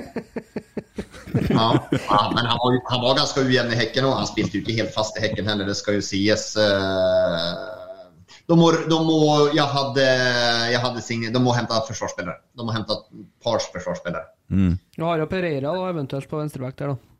Ja, det har ju, Per- ja, ja, har ju Pereira och sen så är det ju Reitan på höger bäck eh, naturligtvis. Då. Sen är det stopper det Ejolfsson, Augustinsson. Det blir för tynt, det vet du. Det går ikke. Jeg hørte Reitan snakka i en pod om eh, det altså å ha i forhold til den eh, farta si, at han har en selektiv hurtighet. Og det har han faktisk. Han springer Ja. så fort som han er nødt til å gjøre. Og, det så du i noe løp i kampen mot Strømsgodset nå. Så hadde han løp hjemover imot en eller annen fyren i Strømsgodset. Og, og han er kjapp. Men da ble han Reitan kjapp. Jeg har aldri sett Reitan så kjapp. De kunne her, ja. Ja. Men han er så kjapp som han trenger å være. Så det, det er litt sånn snodig, for at han eh, Så han er en utrolig kjapp spiller, egentlig. Det er jo ikke noe poeng at han springer fra dem som angrep heller, for da er jo plutselig åpent fram mot målet. sant? Smart spiller. Er artig ord. Selektiv hurtighet. Det er litt koselig. En Anders Lio han sier tror dette blir bra, forlanger trollpratlengde på denne episoden. Det må bli slutt på disse, korte episodene. Trenger mental nødhjelp nå i form av podkast. Det er litt artig, da, for den siste trollpratepisoden den var jævlig kort. For den er borte. ja? den er borte! De sletta han, gitt. Visst. Ja. Bare fortsett du, Tommy. Hvorfor er RBK Jokkes favorittlag i Eliteserien? Ja, Jonas, ja. Ja, det var det, ja. Er det er, det- er det det? Er det det? Har ikke noe favorittlag, men jeg syns at det er Fredrikstad Ja, Eliteserien spiller ikke da, men det får jeg håpe. Det virker som de aldri skal gjøre noe mer. Eh, jeg har ikke noe favorittlag. Jeg, jeg er faktisk ikke med alle lag jeg har, jeg, har, jeg har ikke noe favorittlag i hele verden, egentlig. Jeg er ikke noe spesielt. Jeg holder med GIF Sundsvall naturligvis, og, og Fredrikstad, men det er jo for at jeg har vært der og jobba der og spilt der. Men ellers har jeg ikke noe sånn der eh, favorittlag. Men jeg syns at det er gørr kjedelig at RBK er så dårlig, ja. Det syns jeg er tråkig. Mm. Ja. Så du har lyst til at at- RBK skal gjøre det bra? Ja, men jeg har lyst til at, lyst att de store klubbene i de store byene skal gjøre det bra och eh, det har jo aldri vært så morsomt som når RBK var ute i Europa. Molde var ute og lukta litt. grann i en, i en Eh, period. eh, Du sa de store byene. Molde er ikke en stor by. Nei, Molde er ikke en stor by, men man går da. Men, men jeg håper jo ju det for norsk fotball, for det vil jo skape et større engasjement og et større trøkk rundt fotballen. Når lagene er eh, middels så blir, blir engasjementet middels også. Så jeg, jeg syns det er utrolig trist at RBK er dårlig. Mm. Når, du, når du var i Fredrikstad, var det, lenge siden det? Ja, det er det. det. er 2008. Vi, det var vel et katastrofesesong for Rosenborg, var det ikke det? 2008? Jo, det, det. det kan stemme. Det var nok det. Det kan jeg kan huske i hvert fall eh, at vi slo dem borte, i hvert fall Bjørn Tore Kvarme ble utvist. Og så hjemme tror jeg vi var en mann mindre. Uh, tror jeg Kvisvik ble utvist for Fredrikstad, faktisk. Han gjorde en karatespark på Jarstein, kan det ha vært det som sto da? Jo, stemmer. Så ble det hjemme. Wallis, Wallis skårte på, på frispark. Mm. Det var tider. Ja, du husker det nå, så det er tydelig at Rosenborg er en stor klubb, ja. Eh, Nei, for jeg tenkte på Dagfinn Enerly, men det var vel i 2005? Det var fem, ja. ja det var fem. Mm. Mm. Ja, akkurat. Nei, for det er faktisk uh, I dag så satt jeg meg ned og så litt på forskjellige sånn eh, klipp og sånn for å egentlig se Rekdal-ting og sånn, og dukke opp litt andre ting, og så så jeg det Fredrikstad Start-greia der, og da kjenner du kanskje Dagfinn Enerly litt òg, da? Ja, da, ja det gjør jeg. Det gjør jeg, det gjør jeg absolutt. Så det var jo en fantastisk person. Ja. Utrolig mann, altså. Superhelt, det. Det er superhelt, ja. Ja. Men Rekdal, han eller hans, eh, eller sparka seg sjøl, holdt jeg på å si, fra Vålerenga etter en kamp mot Fredrikstad. For de tapte vel 4-1, og da sa han jeg gidder ikke dra rundt i Norge og bli pissa på. Mm. Det Det stemmer. Fredrikstad. Det er Tyskland, de, Tyskland de liker det, så. ja.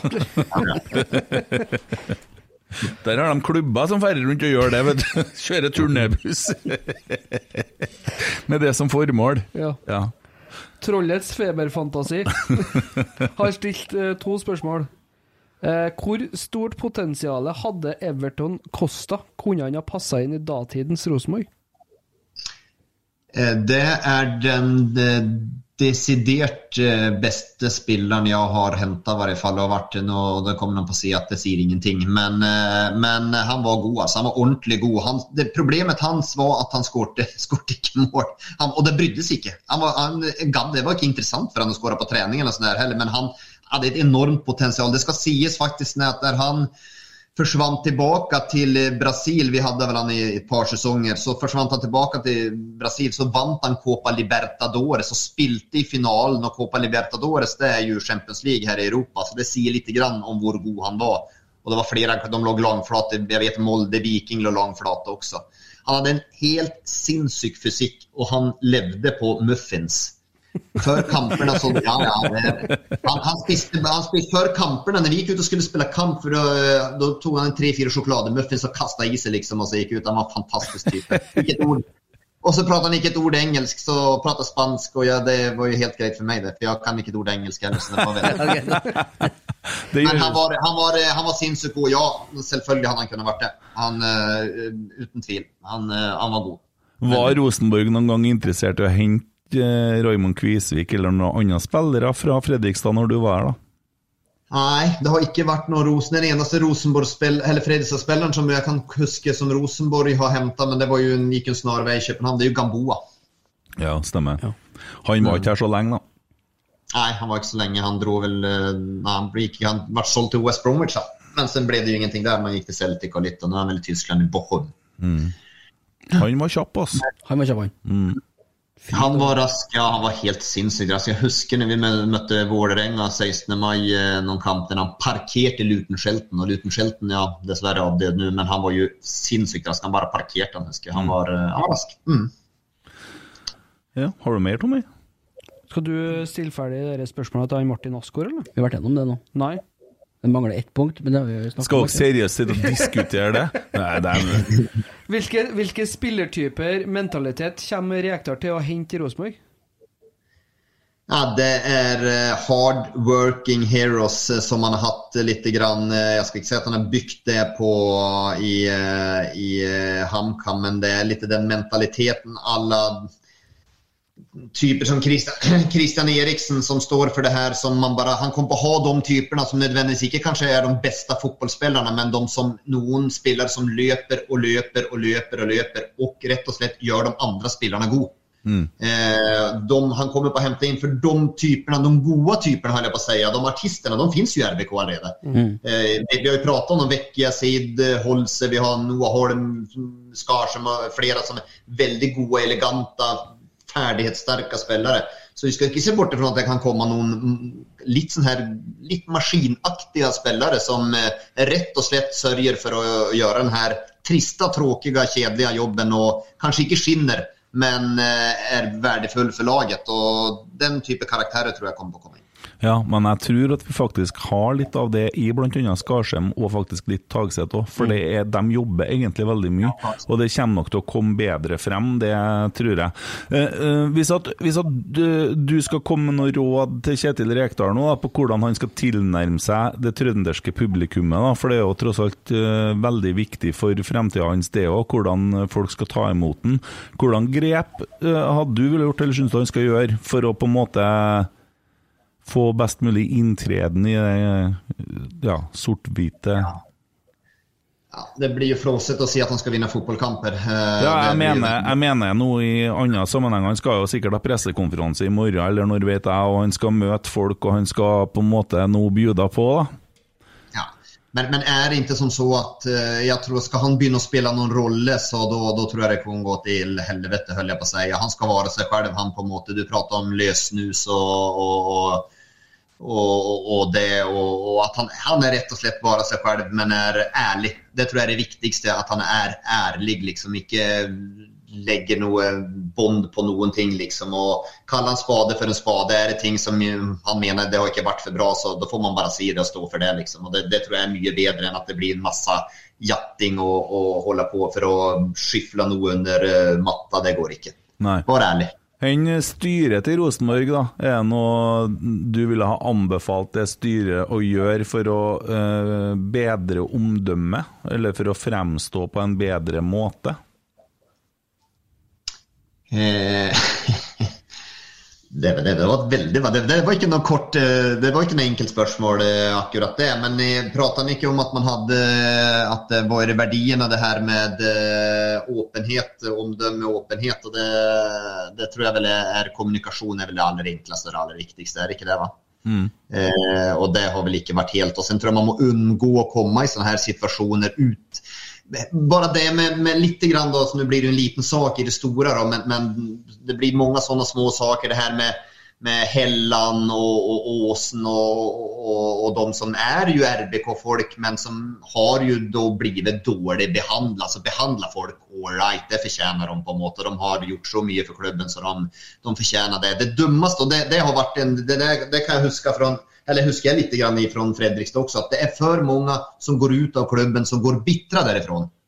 Eh, at man, man, man går bitter ut, og det fins ikke noe verre enn det. For den jungeltelegrafen det er det verste som fins. For da blir det kommer her småprat om det og det, og så sprer seg litt, grann, og så blir det verre for hver eneste en som prater om det. Så unngå å få folk som går ut fra klubben, være bitre. Behandle dem all right. Det fortjener man. Eh, Vi, vi starta jo sesongen her òg med at Tore Regunesen ønska å fortsette et år til, og det fikk han ikke. Og så, han var jo her på søndag, og vi hadde jo en god prat eh, her. Eh, nå kan vi jo se tilbake på det. Nå ble han jo skadd til slutt da i Alta, men han har jo, han har jo spilt i Tyskland og levert, eh, han. Eh, og sånn som ting har skjedd i Rosenborg, så er det vel ikke noe tvil om at han kanskje har stoppa noe av det vi har fått imot oss eh, i år. Han var jo fortsatt god nok. Altså, Tore var jo fortsatt god nok. Eh, Det var jo det jo det største problemet. og Hvis han ikke er god nok, så ja, men da må man kommunisere det bedre der også. For det var jo også der, Nå er jo Tore verdens snilleste mann da, og hyggeligste mann, så han har jo gått ganske gan- Han har gått stille i gangene på en måte, men samtidig så har han gitt litt uttrykk for at han var misfornøyd med situasjonen. Så det er ikke noe problem for supportere eller folk å lese at det her har ikke blitt skjøtt på en god måte. Det her har blitt dårlig skjøtt. eh, Det. Og eh, han var jo en liten enn om han ikke er en RBK-gutt i bunn og grunn, så var han en liten klubblegende ändå. Han han er det, og han sier jo det at hjertet hans er jo sort og hvitt nå, og han bor jo i Trondheim. Og, og du vet, etter at han var ferdig i klubben, så var det ei lita jente som ble veldig lei seg, og dagen etterpå så står han på døra til den lille jenta med drakten sin og gir den til henne og trøster henne. Og, og, sånn har han jo opptrådt hele veien. Og vi har jo hatt en del sånne spillere, og så har vi og så Vi hadde jo Pål André Helleland, som du snakker om, og vi har hatt en del folk som, eh, som har vært ambassadører, og så er de borte. Ja, og de er borte på en måte at de føler sjøl at de har blitt dårlig behandla, og det er jo tråkig Og sånn får det ikke være. Og sånn får, får det ikke være for Rosenborg. For da, når Tove sier at det er dårlig, ja, klubben er et dårlig omdømme nå, rett og slett, så, så er det jo pga. sånne småting som skjer hele tiden. Hvorfor skal Pål André Helland, som er jo sort-hvitt hjerte, han også, hvorfor skal han gå bitter fra klubben? Hvorfor skal Tore gå på en måte litt bitter fra klubben? Det der sprer seg, og det, det, det der må man unngå å slutte med.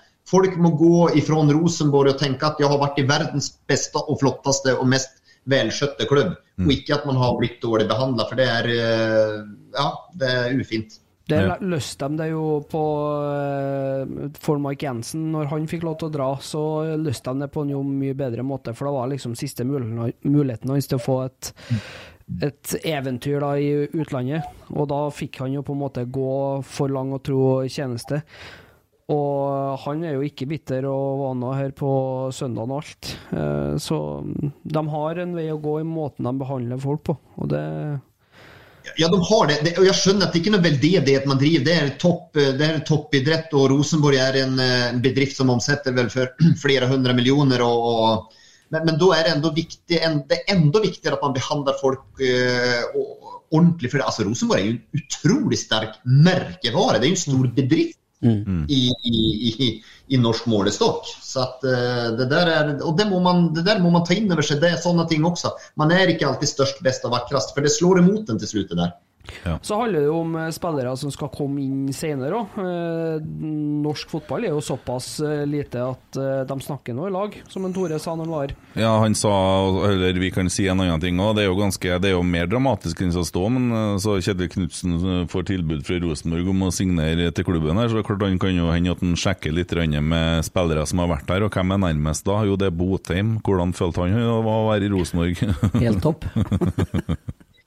Jo, jo, jo, men det gjør de jo. Og, og jeg tror jo også Kjetil Knutsen tenker altså ja, nu, nu spekulerer jeg jo, men, men det får man vel lov å gjøre iblant. Eh, så tenker jeg jo også, jeg tror jo noe som gjør at han blir usikker, det er jo det her rotet som har vært.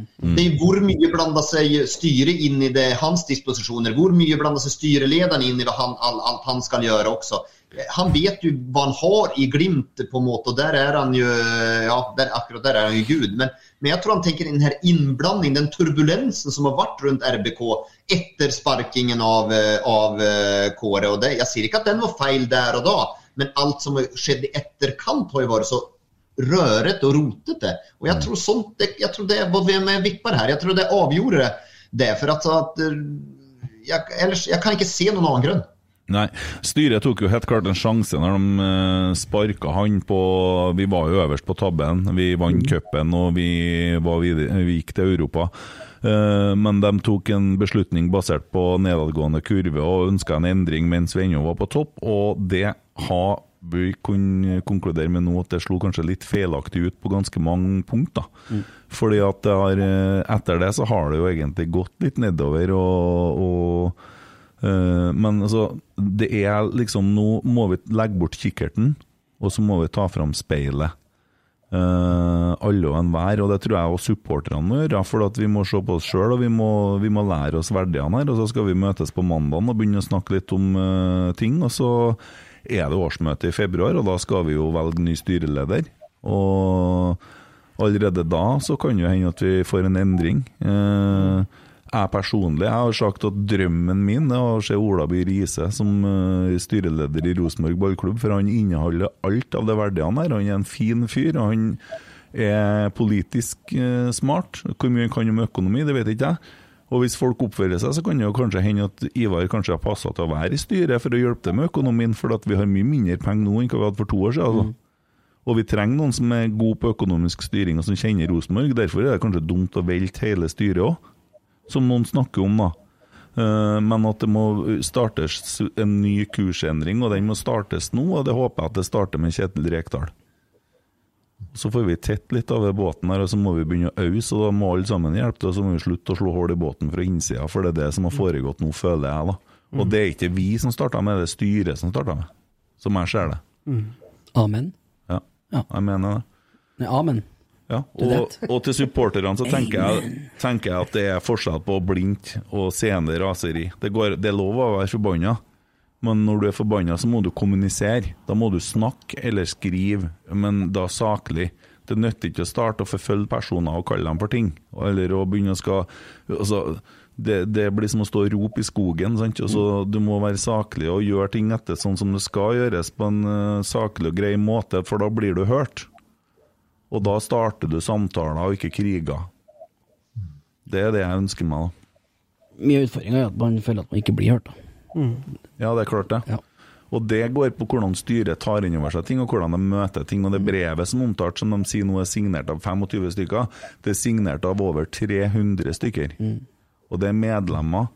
Og så 200 og noe av dem er medlemmer, og noen av de andre der da har betalt så de blir medlemmer. Og, og det er klart at hvis det da kommer 300 stykker og står bak det brevet der på neste årsmøte, så er hele styret ferdig. For da er man, da er man flertall. Med mindre det kommer 400 fra Frøya. Nei, det skjer ikke, for Frøya driter i akkurat den prosessen her. Fordi at det handler ikke om vindmøller lenger. Og lauget som forsvarer det som er i dag, dem, eh, dem tror jeg blir for få.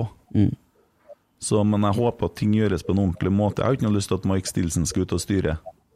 Jeg liker Mike Stilson, jeg tror han har ting å tilføre styret. Det er andre folk der som er flinke òg. Og jeg tror at man må ha kontinuitet der òg. Man må ha kontinuitetsbærere i styret òg tror jeg. Så, men vi må snakke sammen, og så må vi stå sammen. Så når vi tar valget, så blir noen stemt fram, og da må vi stå bak det. Og det samme gjelder når vi nå har valgt en trener, så må vi stille oss bak den treneren. Jeg kommer til å bli kritisert for at jeg fremsnakker Kjetil Rekdal, det driter jeg i. Fordi at jeg ønska meg Kjetil Knutsen, alle gjorde det.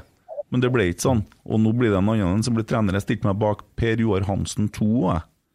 Fordi at det er klubben min det er snakk om, og det er ikke noe Per Joar som er større enn Rosenborg. Det er ikke noe Kjetil Rekdal som er større enn Rosenborg heller.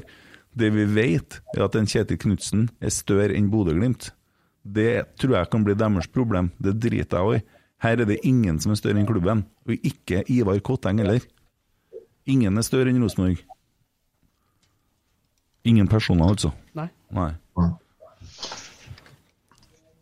Det var, eh, var en god eh, eller på å si avslutning, eller hva du tenkte. Jeg blir nesten målløsere, men det er helt eh, riktig. Det. Er, eh, men, men det er riktig. Ja, ja. It's a disaster. Altså nesten, ikke helt. Nesten. Men, eh, nei, men det, det, det er jo helt riktig. Så, sånn er det jo også. Det, Ja, Dette var min søknad på den ledige stillinga i indre bane, sånn at jeg bare legger ja, ja, ja, ja, det er jo høyaktuell. Det er jo ikke noe tvil om det. Jeg kan spille i at han med gitar. Ja, nei, du er høyaktuell. Au, klok, vet du. Du har jo så mye betraktninger og bilder.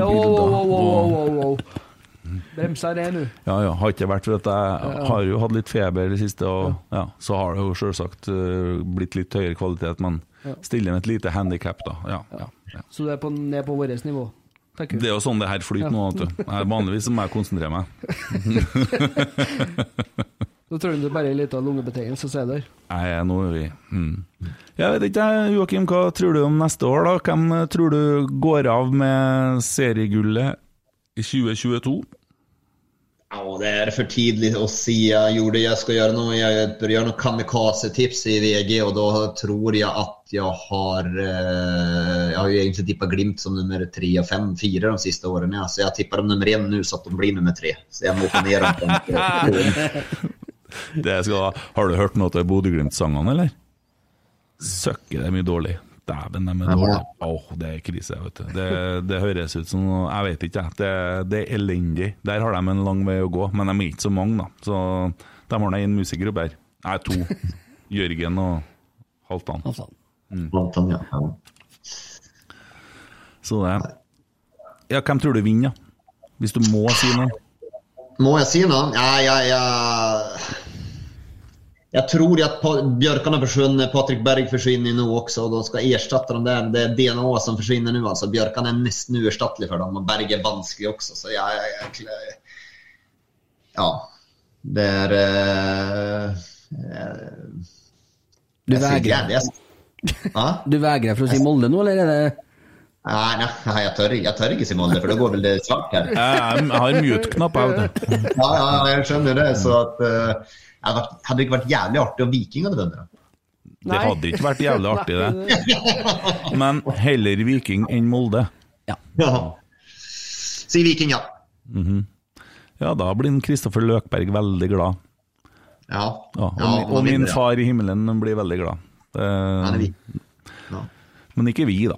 Men for all del, altså Viking, Felt O og podkastene, folkene Vi har hatt krysspod med Vikingpodden. De har vært her i studio og hatt pod sammen med oss før cupkampen. Det ble jo, endte jo miserabelt, eller disaster. disastrous? ja? Ja, men eh, fine folk, og de gjør mye bra for norsk fotball. Og det skjer mye bra i norsk fotball for tida. Det er mye bra folk som engasjerer seg. Det er Vi har jo pyro-greia. Det ser ut som at det går supporterne sin vei. Du har eh, Jeg kommer til å sørge for, i hvert fall så godt jeg kan, at vi tar opp dette her med tilskudd til gressbaner eh, i NFF. Så at vi og at Rosenborg fremmer det for eh, Norges Fotballforbund. Og så har vi jo Hva mer vi snakka om da, som er litt sånn eh, Nei, det ble internt, ja. Det var sammenslåing og sånne ting. Ja, mm, mm. Men, men, men Viking, om vi skal prate Vi skal ikke prate om Viking, vi skal bare prate om RBK. Men litt Viking, så mm, syns jeg at noen klubber må kunne se til hva har Viking gjort i forhold til omdømme og bygd opp det. For de lå med brukken rygg i 2017. Det var ikke noen tilhørighet overhodet. Det var ingen som ville identifisere seg med Viking. Nå vil alle i Stavanger og nærområdet omtrent Rogaland identifisere seg med Viking. Nå vil de på kamp. Hva har de gjort? Den å prate om åpenhet som de har, og og god til å kommunisere, og folkelighet. Eh, Jeg er superimponert av Viking. Så jeg sa vel Viking nå når jeg tror vel innerst inne ikke at de vinner, men litt pga. på grunn av det de har gjort også. Opptrådt. Og det må være lov for andre klubber faktisk å se og spørre hva har Viking gjort? Hvorfor er de der? De, fant, de fant en mann på ca. 45 som spiller gitar og synger. Hvor vanskelig kan det være? Er. Nei, men Salvesen har jo gjort en god jobb i Viking. Trenerne har gjort en god jobb, og de har åpna De fikk seg en skikkelig smell. Og så tok de nå sannsynligvis en sånn der liten eh, ja, på bunn og sparke ifra, og så starta de med blanke ark, og så sitter de og peker på øret ditt. Nei, jeg bare Det var ingenting. Det var ingenting, nei. Nei, Nei, jeg bare skal si det, det med Salvesen og han er Kjøne, han heter Eller Kjøne? Bjørne. Bjørne. Bjørne. Kjøne har verre dager, fra han rykka ned med Stabæk. Ja, men Bjørne Ja. Det teamet der tror jeg er Det er bunnsolid. De, gjør, de spiller hverandre god. Men Viking Og kvitter seg med Joe Bell nå, gjør ikke de det? Ja, de må nok selge han. De må nok det. Han er vanskelig å erstatte. Men Berisha er for meg enda viktigere enn Diobel. Men Diobel er bra. Men de har vært gode på spillermarkedet. Brekal og Stensnes er ganske gode. De også stopperne stopper sentral midtbane som har kommet inn. Og nei, de har gjort mye riktig, Viking. Viking har jo vært litt høy og mørke tidligere, eh, faktisk. Det har jo vært litt ovenfra nedholdning der. Eh, mye rikinger, eh, oljefolk som har sittet der. Men, men det syns jeg man har viska bort nå med den eh, ledelsen man har nå. Det er imponerende. Klubber bør se til dem der de gjør på og framfor alt utenfor banen. Ja, helt enig. Og de er foregangsfigurer på veldig mye. Uh, ser de hører veldig mye på rotsekk òg. Ja, Ja, ja, vi ser jo hvor folk hører på hen i landet. Vi har hørt veldig mye i Rogaland og faktisk i Romsdalen og en del i Nordland, ja. og litt i Trøndelag òg, da. Litt Ja, ja. Nei, men Viking eh, har gjort en fenomenal jobb, og det, det er jo, ser jo supportere snakker jo sammen, og vi er, har jo til felles det er jo at vi er glad i norsk fotball, og vi, vi slåss jo for eh, å heve produktet, og, og man slåss Det ble jo plutselig mye enklere, da, for TV 2 skrudde jo opp prisen så inn i helsike på den der eh, oljefotballen som foregår i England, så det ble jo virka som interessen vokste kolossalt for norsk fotball etterpå. Det har skjedd noe, ja. Ja. Så det er bra. Så gjør jo dere en kjempebra jobb. Synd dere mista Gunhild. Hun var jo best av dere alle. Nå sitter dere igjen bare med snauskalla folk og Raske. Ja, ja. Ja, ja, du, er, du er fin på håret, jeg skal ikke mobbe deg. Tommy har jo pynta seg likeens for anledningen. Og. Ja, ja. Nei, det, hun, nei, det var det er, eh, Men det er vel Gunhilds tap, er det ikke det? Jo. Jo, det er jo det. Hun elsker jo norsk fotball, og hun, jeg skjønner ikke hva jeg holder på med, men det er vel noe med at TV 2 får med rettighetene nå, kanskje? At man eh, Ja, så blir vel lokka, hun ble vel lokka av pengene, vet du. Det er ja. sånn. ja, det er jo Det er det. sånn det er, vet du. Ja, Sånn. Newcastle og spytta i litt ekstra, sikkert. We Vi this. Ja. Nei, vi har identiteten vår i Trøndelag og Rosenborg, og puster sort og hvitt. Og dessverre så har følelsene til veldig mange vært sort-hvite òg. så jeg dro en på Twitter i dag, så jeg at uh, fordi om du holder med et lag i sort-hvitt, så er det litt dumt om følelsene dine og tankene dine blir sort-hvitt, for du vet at det blir jo en diagnose, det. Så ja, det er ikke helt heldig, det. Der fikk jeg da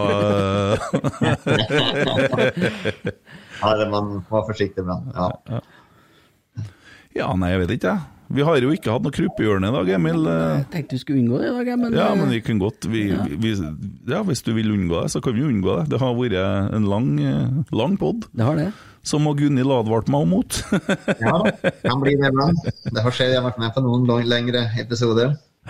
Nei, men det her har vært uh, utrolig hyggelig, og vi er jo bare glad at uh, 2021 er over, og Emil peker på seg sjøl nå. Ja, det gjør jeg. Dæven, Vi, nå nå som vi var litt som i kjærligheten til norsk fotball, så må vi jo takke eh, alle lytterne, syns jeg, etter sesongen her. Ja, ja. For det har kommet ekstremt mye kjærlighet eh, eh, etter søndagen. Eh, jeg må trekke fram en eh, Fredrik Berg, faktisk. Ja.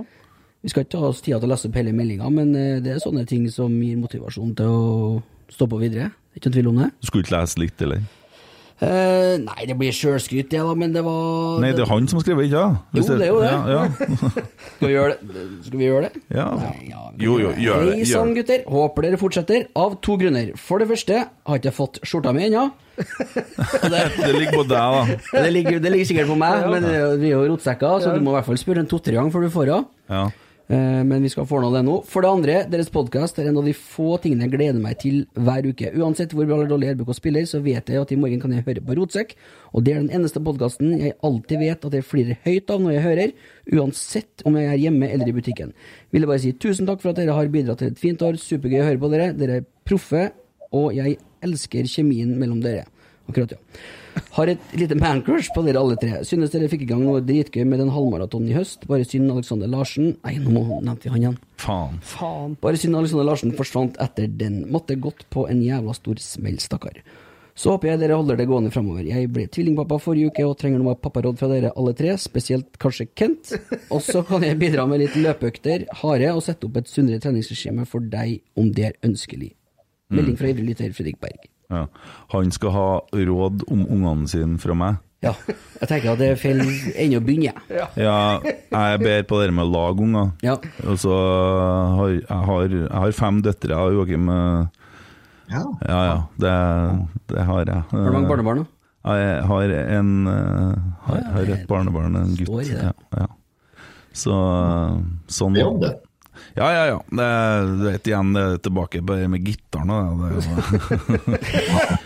det er them doors and ja, ja, ja. Uh, nei uh, Men ja, kjempehyggelig med Ja, det tilbakemelding, det er det. Ja. Det, det motiverer, Det har tvil. vært så mye meldinger, det har vært Ja. så mye tilbakemeldinger. Og etter at vi drev og tulla litt med at vi kanskje drev og vurderte om vi skulle fortsette, mm. så var jo det Jeg vet ikke. Det, det har blitt nevnt mye.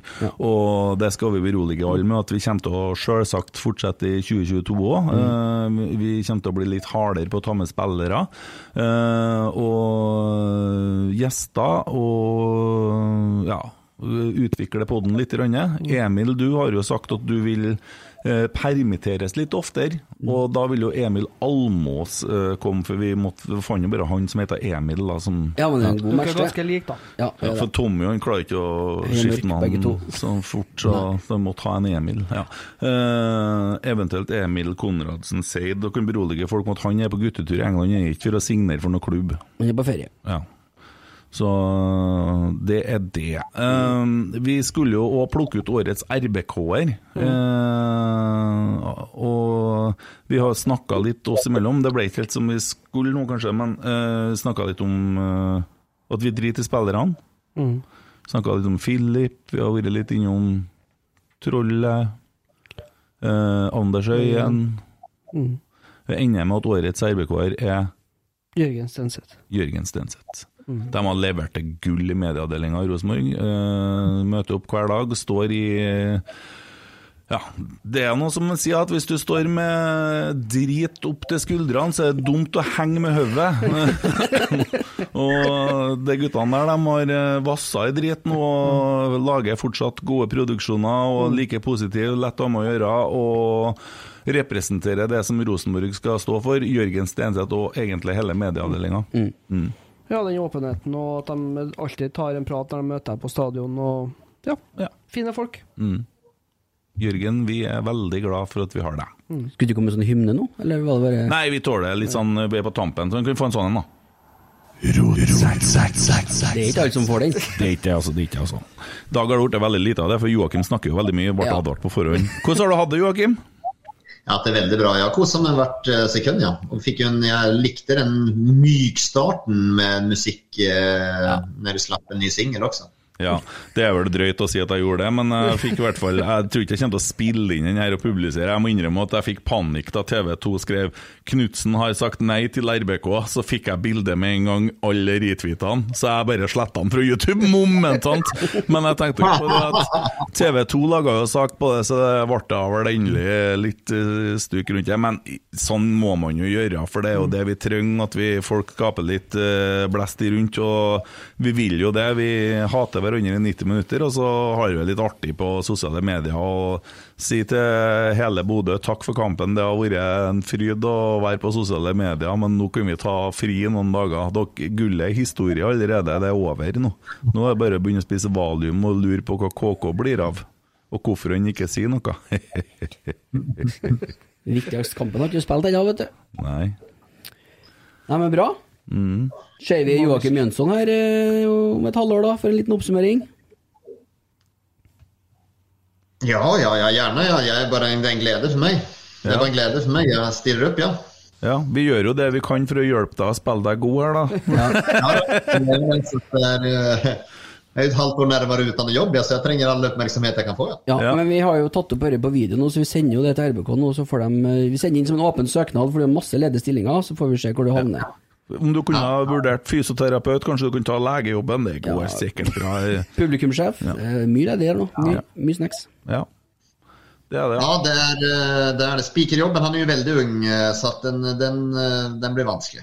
Ja, han er, men han er flink, altså. Han er, kjører italiensk stuk. Bruker du, er du på Lerkendal noen ganger, eller? I løpet av sesongen? Jo, jeg var, på, jeg, I år da jeg var på Lerkendal, fikk jeg utdelt en Paconatedrakt. Ja, det stemmer. Faen meg, det stemmer. Det var jo mot, mot Viking, og det var vel kanskje en annen Nå var det dessverre ikke noe publikum, da, men det var vel en eh, ja, Det var veldig få, da. Ja, vi var der, vi. Vi var der, vi. En god kamp. Ja, hva? Men eh, det, finns ingen, det er helt underbart å være på stadion. Jeg håper at jeg er mer på stadion neste år enn jeg var i år. Jeg er mye i studio, men jeg, jeg, liker meg, jeg liker meg best på stadion. Ja. Ja. Nei, men men eh. Vi sitter jo rett bortafor eh, hotellet, så du vet, da vet du, kan vi sitte og podde i samme rom. Det har vært kult. Nydelig. Jeg skal melde fra. Jeg skal be om å få komme til Lerkendal. Ja. Ja, bra, bra. Nei, men da sier vi tusen hjertelig takk for disse to timene og 22 minuttene. Tusen takk. Det er jeg som skal takke. ja, så snakkes vi. Det gjør vi. Ha det godt. Hei, hei. Hei. Hei. Skal vi se her Der lukka jeg, lukka jeg zoomen. Så da er vi, så da er vi eh, uten Joakim. Vi er fortsatt på opptak. Vi er på ennå, ja. Ja. Er det noe mer dere vil gjennom, eller? Nei, jeg er hjemme alene her, syns jeg ja, ja Vet dere, filmopptaket gikk til helvete fordi disken ble full, men eh, går bra, det. ja. Men Joakim kommer jo tilbake. Vi Ja da. Han inviterte seg sjøl. bilder, han, du. Ja, nå er vi kanskje finner på lyd enn på bilde. Og, eh, Utvilsomt. Men uh, det er vel bare å vente på en pressekonferanse, ikke sant? ja, det er jo det. Spennende. Uh, Eh, hva du tenker om Kjetil Rekdal du da, Emil? Jeg er rågira. Ja, det? Ja, rett og slett rågira. Ja, for du Det er kassa rett fram, og det er køddes, altså. jobber med Arvid Vasskog, du vet det. Eh, ja, det gjør jeg. Ja. Jeg så ikke helt sammenhengen i Han er ja, han, han er pro, ja. ja. ja. han er pro. Ja, kanskje Joakim satt og venta at jeg skulle avslutte sendinga og ville snakke mer med oss. Det tror jeg. Ja. Men du får sende en melding, du, da. Ham at, ja. Men han er flink, da. Ja, han var det. Jeg tror eh, Men er det mm, uten sammenligning for øvrig, den TV 2-avstemninga, så dere den? Nå gjelder den hele landet, men uh, sist jeg sjekka, så var det 4000 som hadde stemt, og det var sånn tre av ti som tenkte at Rekdal var riktig mann for eh, jobben. Nei, jeg Ligger det litt sånn i RBK-land òg, eller? Ja, det gjør Jeg vet det hvor jeg står, ja. ja. Nei, men jeg tror at, øh, jeg tror at øh, han må få litt tid, og så tror jeg at Jørgen og Eirik øh, gjør en god jobb. Uh, kommer til å fremme selvsagt han. Uh, og man må utfordre han på en del av de tingene som har blitt sagt opp gjennom årene, øh, sånn at han får muligheten til å snakke øh, om det. Og så kommer folk til å gi ham sjansen å ta imot for, med åpne armer, for det er ingen som er større enn øh, klubben. Uh, og vi ønsker at klubben skal lykkes. Og for at klubben skal lykkes, så må vi på en eller annen måte klare å samle oss.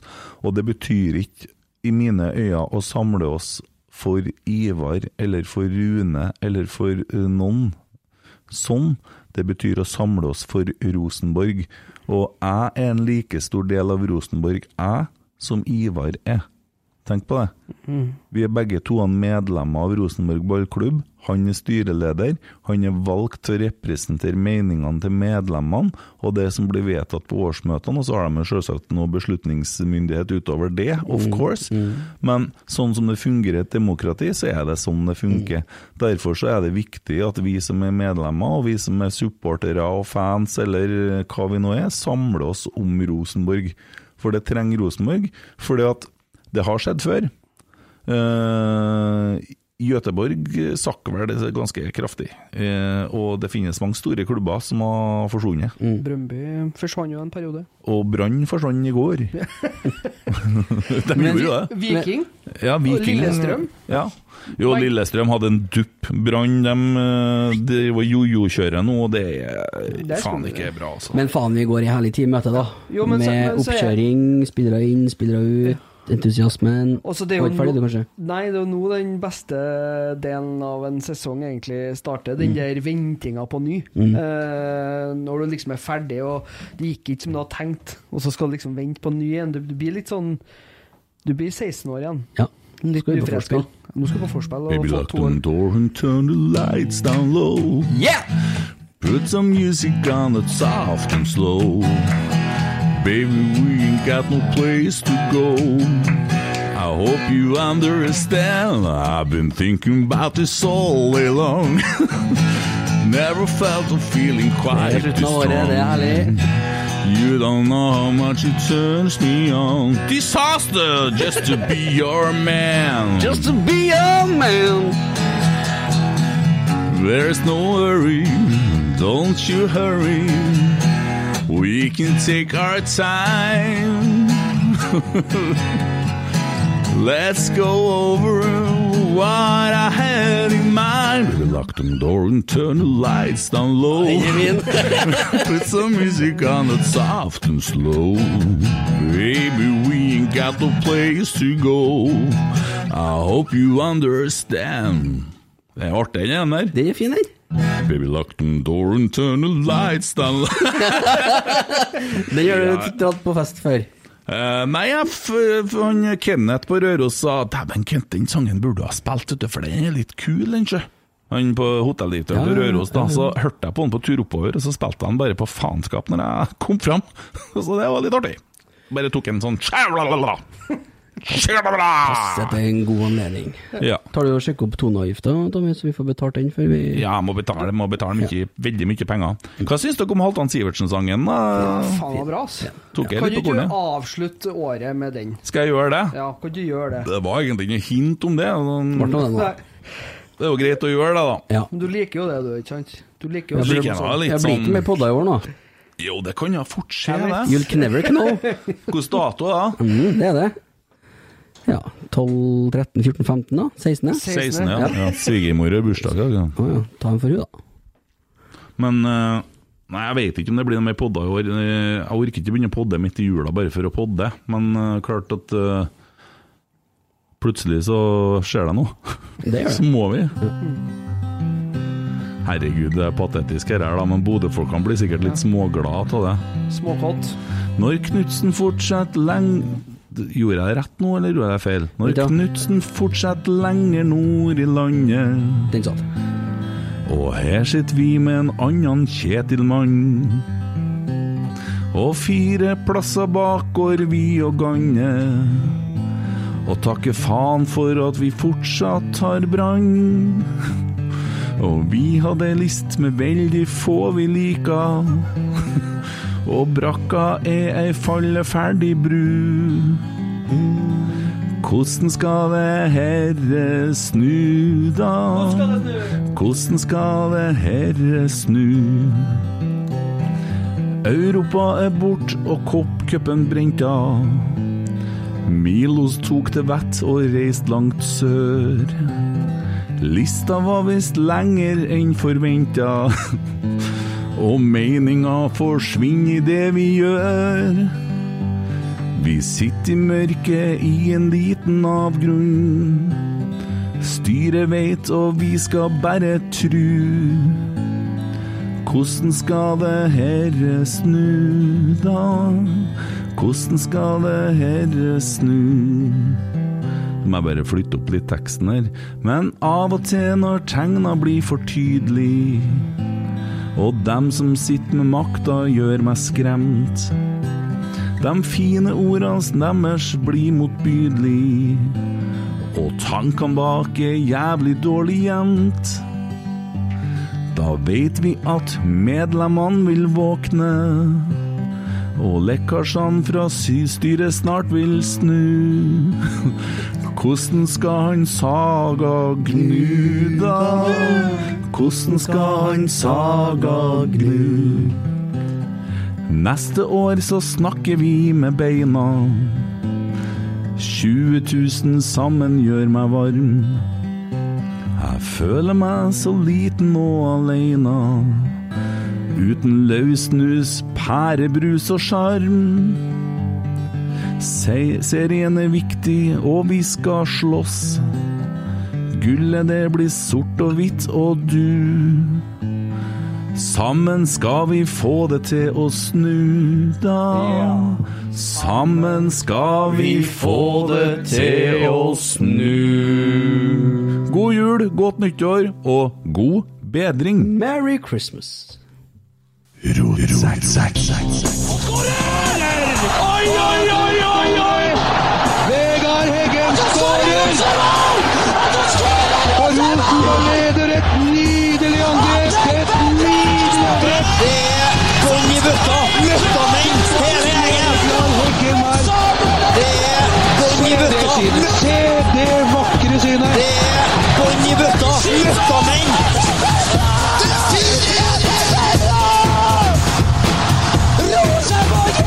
I'm gonna knock on the door, ring on your bell. That's all.